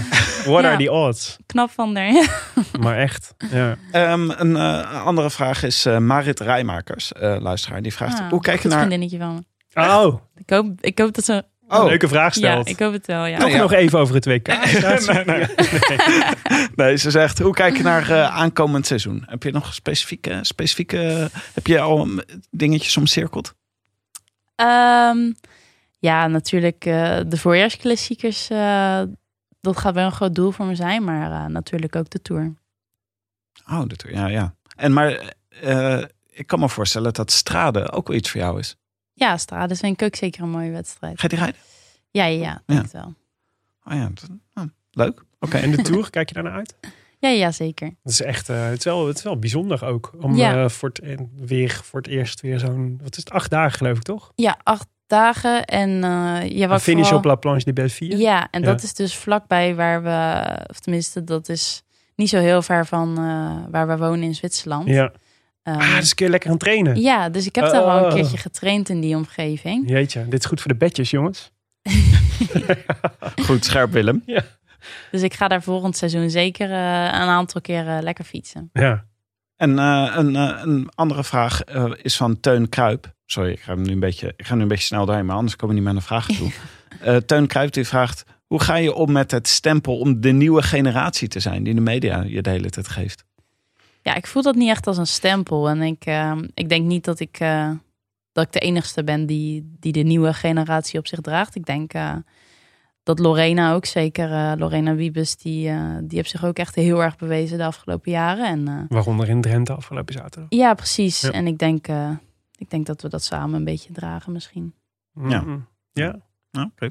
Eh, Luc van Dijk die vraagt om eh, toch nog even wat vijanden in de show te krijgen. Oh ja. Welke renster is nou echt vervelend de hele tijd? God ja. Heb je, heb je vijanden in het peloton?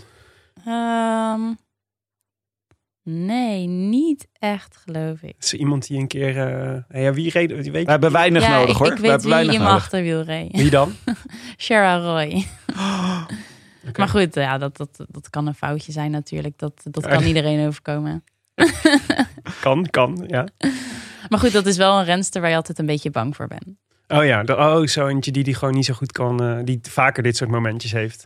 Ja, ze, ze, is, vrij, ze is vrij groot ook. Dus dan... eh, Zo, als, ze- als ze in je derailleur rijdt, heb je meteen schade. nou, ik weet niet. Ze is vrij lang. Dus ja, ik weet niet. Je bent ook altijd een beetje... En ze gaat niet zomaar aan de kant voor je. Mhm. Dat is natuurlijk goed qua, qua als je als renster zelf. Ik bedoel, je moet je plekje niet weggeven natuurlijk. Maar ehm, Ja. als je bij haar in de buurt zit, dan... eh, ja, dan, dan ben je altijd wel een beetje, een beetje op je hoede. Welke ploeg rijdt zij no- normaal? Bike Exchange.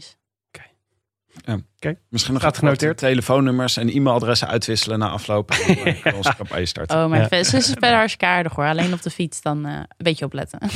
Ja.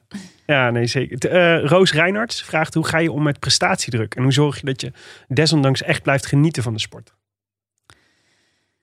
Eh, ja, ik weet niet. Ik voel nooit zo heel erg prestatiedruk. En eh, blijf genieten van de, van de sport is ook gewoon een beetje... ja, ik vind het spelletje altijd heel erg leuk. En eh, ehm, ja, ik probeer tussendoor ook vaak eh, andere sporten te doen. Dat ik eh, Ja, de honger naar de fiets goed blijf houden. oké. Ik vind ook een, een belangrijke vraag. Is ingestuurd door Arjen Zoer, een bekende van ons, als, eh, als wiskundig model. Een groot fan van jou ook. Groot fan. de, een van de eerste, denk ik, die ons op jouw bestaan wees. Ja, en die vraagt ook, eh, dat daaruit blijkt dat hij een goede volger is. Hoe heten de honden die we op Instagram langs zien komen? Eh, Pip en Flo. En Flo is de dochter van Pip. Oh, Ja. kijk, scoopje. ja. Nou, het is niet alsof dit een onthulling is, toch? Oh, nou ja, god. eh, ja, als Arjen Zoer niet weet, wie weet het dan wel, Willem? Ja. Moet je scherp op zijn. Eh, Holger Ginghuis vraagt, wat is je favoriete boek? Nou, ik, eh, ik ben niet heel erg een lezer. Ehm, dus ik lees niet heel veel boeken, maar ik heb met alle plezier Anna de Boek gelezen. Dat vond ik echt een superleuk boek. Oh ja? Ja. Oké. Stonden er nog verrassingen in voor je? Of dingen waar je, die je bij zijn gebleven waarvan je dacht, dat wist ik nog niet? Ehm, nee, ik vond, ik, ik vond het natuurlijk heel leuk eh, dat ze op een gegeven moment mij ook in het boek vernoemden. Eh noemden ze volgens mij iets over Luik. Ehm, dus dat vond ik ook heel, eh, heel leuk om te lezen. Maar goed, het is sowieso wel een heel leuk boek, omdat het gaat, het gaat eigenlijk over van alles en nog wat. En dat, Mhm. ja, dat maakt het wel mooi. Het is voor iedereen heel leuk om te lezen, denk ik. Oké. Dat is aanradig. Oké, nou misschien, eh, ik wil eigenlijk de laatste vraag doen. Mag jij nog eentje kiezen, Willem? Ja, oh, dat is goed. Ja. Eh, Whistler vraagt, zou je niet net als Annemiek van Vleuten ook wel eens met mannen willen trainen? Ehm, Mannenploegen? Ik train af en toe met mijn vriend, dat is genoeg. Nee, nee, ehm, nee ik, heb, ik heb heel veel aan mijn ploeggenoten ook. Dus ehm, als ik met die meiden, met onze Nief en eh, Anna Shackley eh, in de bergen fiets, dan, eh, dan heb ik hele, hele zware taken aan om die bij te houden. Ja. Dus ehm, ja, ik heb niet per se de drang dat ik, eh, dat ik nog een extra uitdaging nodig heb en met mannen moet fietsen of zo. Kan natuurlijk leuk zijn om, om met hun een keer eh, te babbelen of zo. Eh, ik vond het heel leuk eh, om in Tokio eh, naast Tom te fietsen en, eh, en zijn verhalen te horen. Ehm, maar verder, eh, ja, ik vind het ook heel leuk om met mijn ploeggenoten te fietsen. Oké. Schappelijk. Laatste vraag van Pieter Vries. Welke vrouw zou als eerste in aanmerking moeten komen voor een volgende Rode Lantaarn special? Mm, Goeie vraag. ja, misschien wel eh Lorena. Of eh, Heeft een, eh, mooi, mooi verhaal, ja, zeker. Ja, Ja. en eh, natuurlijk ook mooie wedstrijden gewonnen afgelopen seizoen weer. Ehm, ook vaak, of een paar keer eh, flink onderuit gegaan. Ehm, ja, Oké, Lorena Wiebes. ja. Staat genoteerd. Oké, nou jongens, dan eh, gaan we nu toch echt afronden. Eh, dit was het, de Rode Lantaarn, de podcast voor wielerkijkers, gepresenteerd door uw favoriete collega bankzitters Willem Dudok en mijzelf, Tim de Gier. Eh Jonnes Griese is er vandaag niet, maar die hoort er ook beslist bij. Veel dank ook aan onze sponsoren, Fiets van de Show Canyon en natuurlijk Auto.nl voor de geweldige kartje Lara. En natuurlijk onze nieuwe vrienden van de show, zoals onder meer Fior den Euker, Jacob Ah, het is een verwijzing naar de Simpsons uit. Doe deze naam nog een keer. Fjord de Neuker. Fjord de Neuk. Ja! Godsamme, wat goed. Ja. Oh, Ja, ik ja, dacht, nee, het is goed dat je me even corrigeert. Als ik daar niet even bij stil had gestaan. Ja, Oh, die naam ga ik misschien ook wel gebruiken.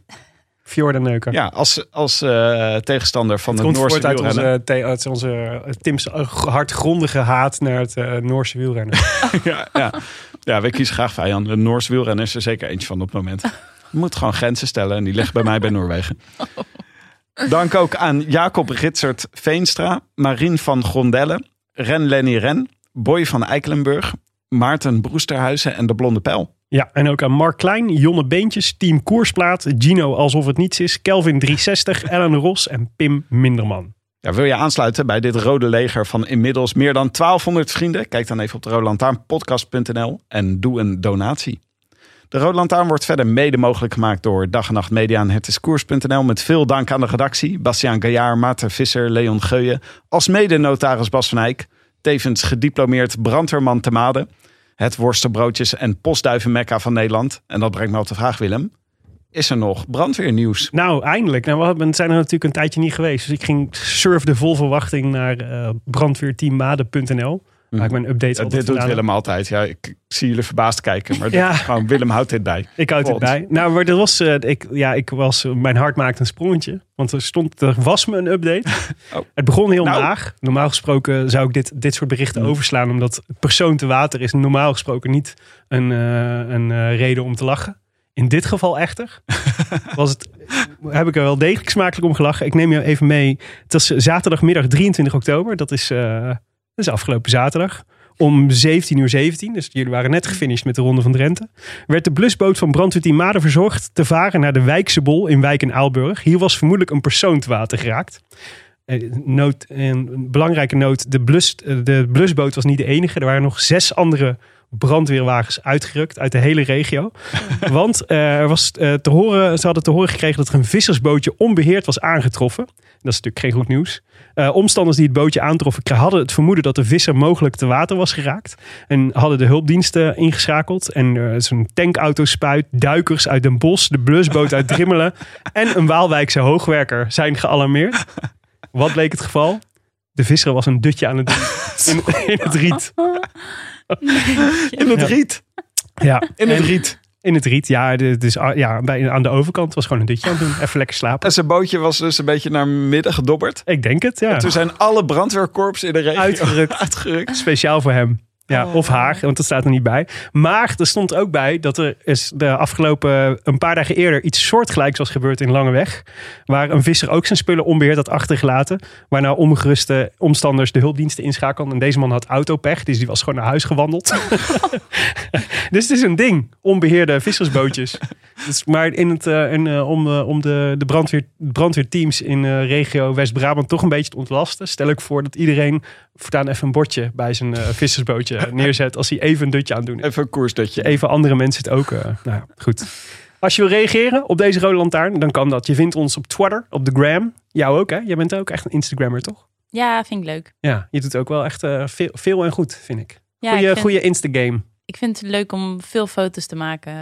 Ja, Dus eh, ja en ook Ja, je en reels mee? zag ik zelfs laatst. ja, Ja, jeetje. Ja. Nee, echt heel goed. Reels. Ja, reels. Dat is, eh, dat Dat moeten we ook gaan doen. dat is, dat is de, ja, wat is het? Dat is de TikTok-versie eigenlijk Ja. van Insta, toch? weet je wel, ja. Nee, het, het, het is, dat is de, eh, gewoon Demi Vollering, toch? Ja, Demi Vollering, ja. Ja, Moeten we dan dingen playback op Reels? Want daar zie ik wel een carrière Nee. voor ons. Nee? Nee. Oh, Nee. jammer. Nou ja. Nee, maar nee. Ja, hoe Kan zou je, hoe zou kan je wel. jouw Instagame omschrijven? Als, wat kunnen mensen daar vinden? Eh, ook bergen, Hoop Nee. bergen, ja. Hoop ook Zwitserland. fietsen. Hoop kampvuurtjes. Ja, ook. Eh, Honden. Ja, Maar dit was mij dus ook al opgevallen. Vandaar dat je allemaal berglandschappen en zo op de achtergrond ziet. Want ik zei, we moeten wat berglandschappen hebben. Want het is gewoon... En dan voelt Demi, zich, dan Demi. voelt Demi zich thuis. ja, dan voel ik me thuis. Ja, ja, dat is wel waar. Hey, vond je het een beetje leuk? Ja, hartstikke leuk. Mooi. Wij ook. Gelukkig. Kom je nog een keer terug als je groot en succesvol bent? Ja hoor, als ik tijd heb. Parijs, uh, ik in Nederland ben. Parijs 2024, die heb ik opgegeven. Oké, cool. Heel goed. Hey, wij eh, gaan eh, de komende tijd nog wat meer specials maken. Onder andere met Taco van de Hoorn. Binnenkort. Ja, en de class of 2021. In de class of 2021. Ja, precies. Dus eh, hou je feet in de gaten, eh, lief luisteraars. En eh, tot dan. A biento. A biento. I wish I could be in the south of France. In the south of France, sitting right next to you. Thank you.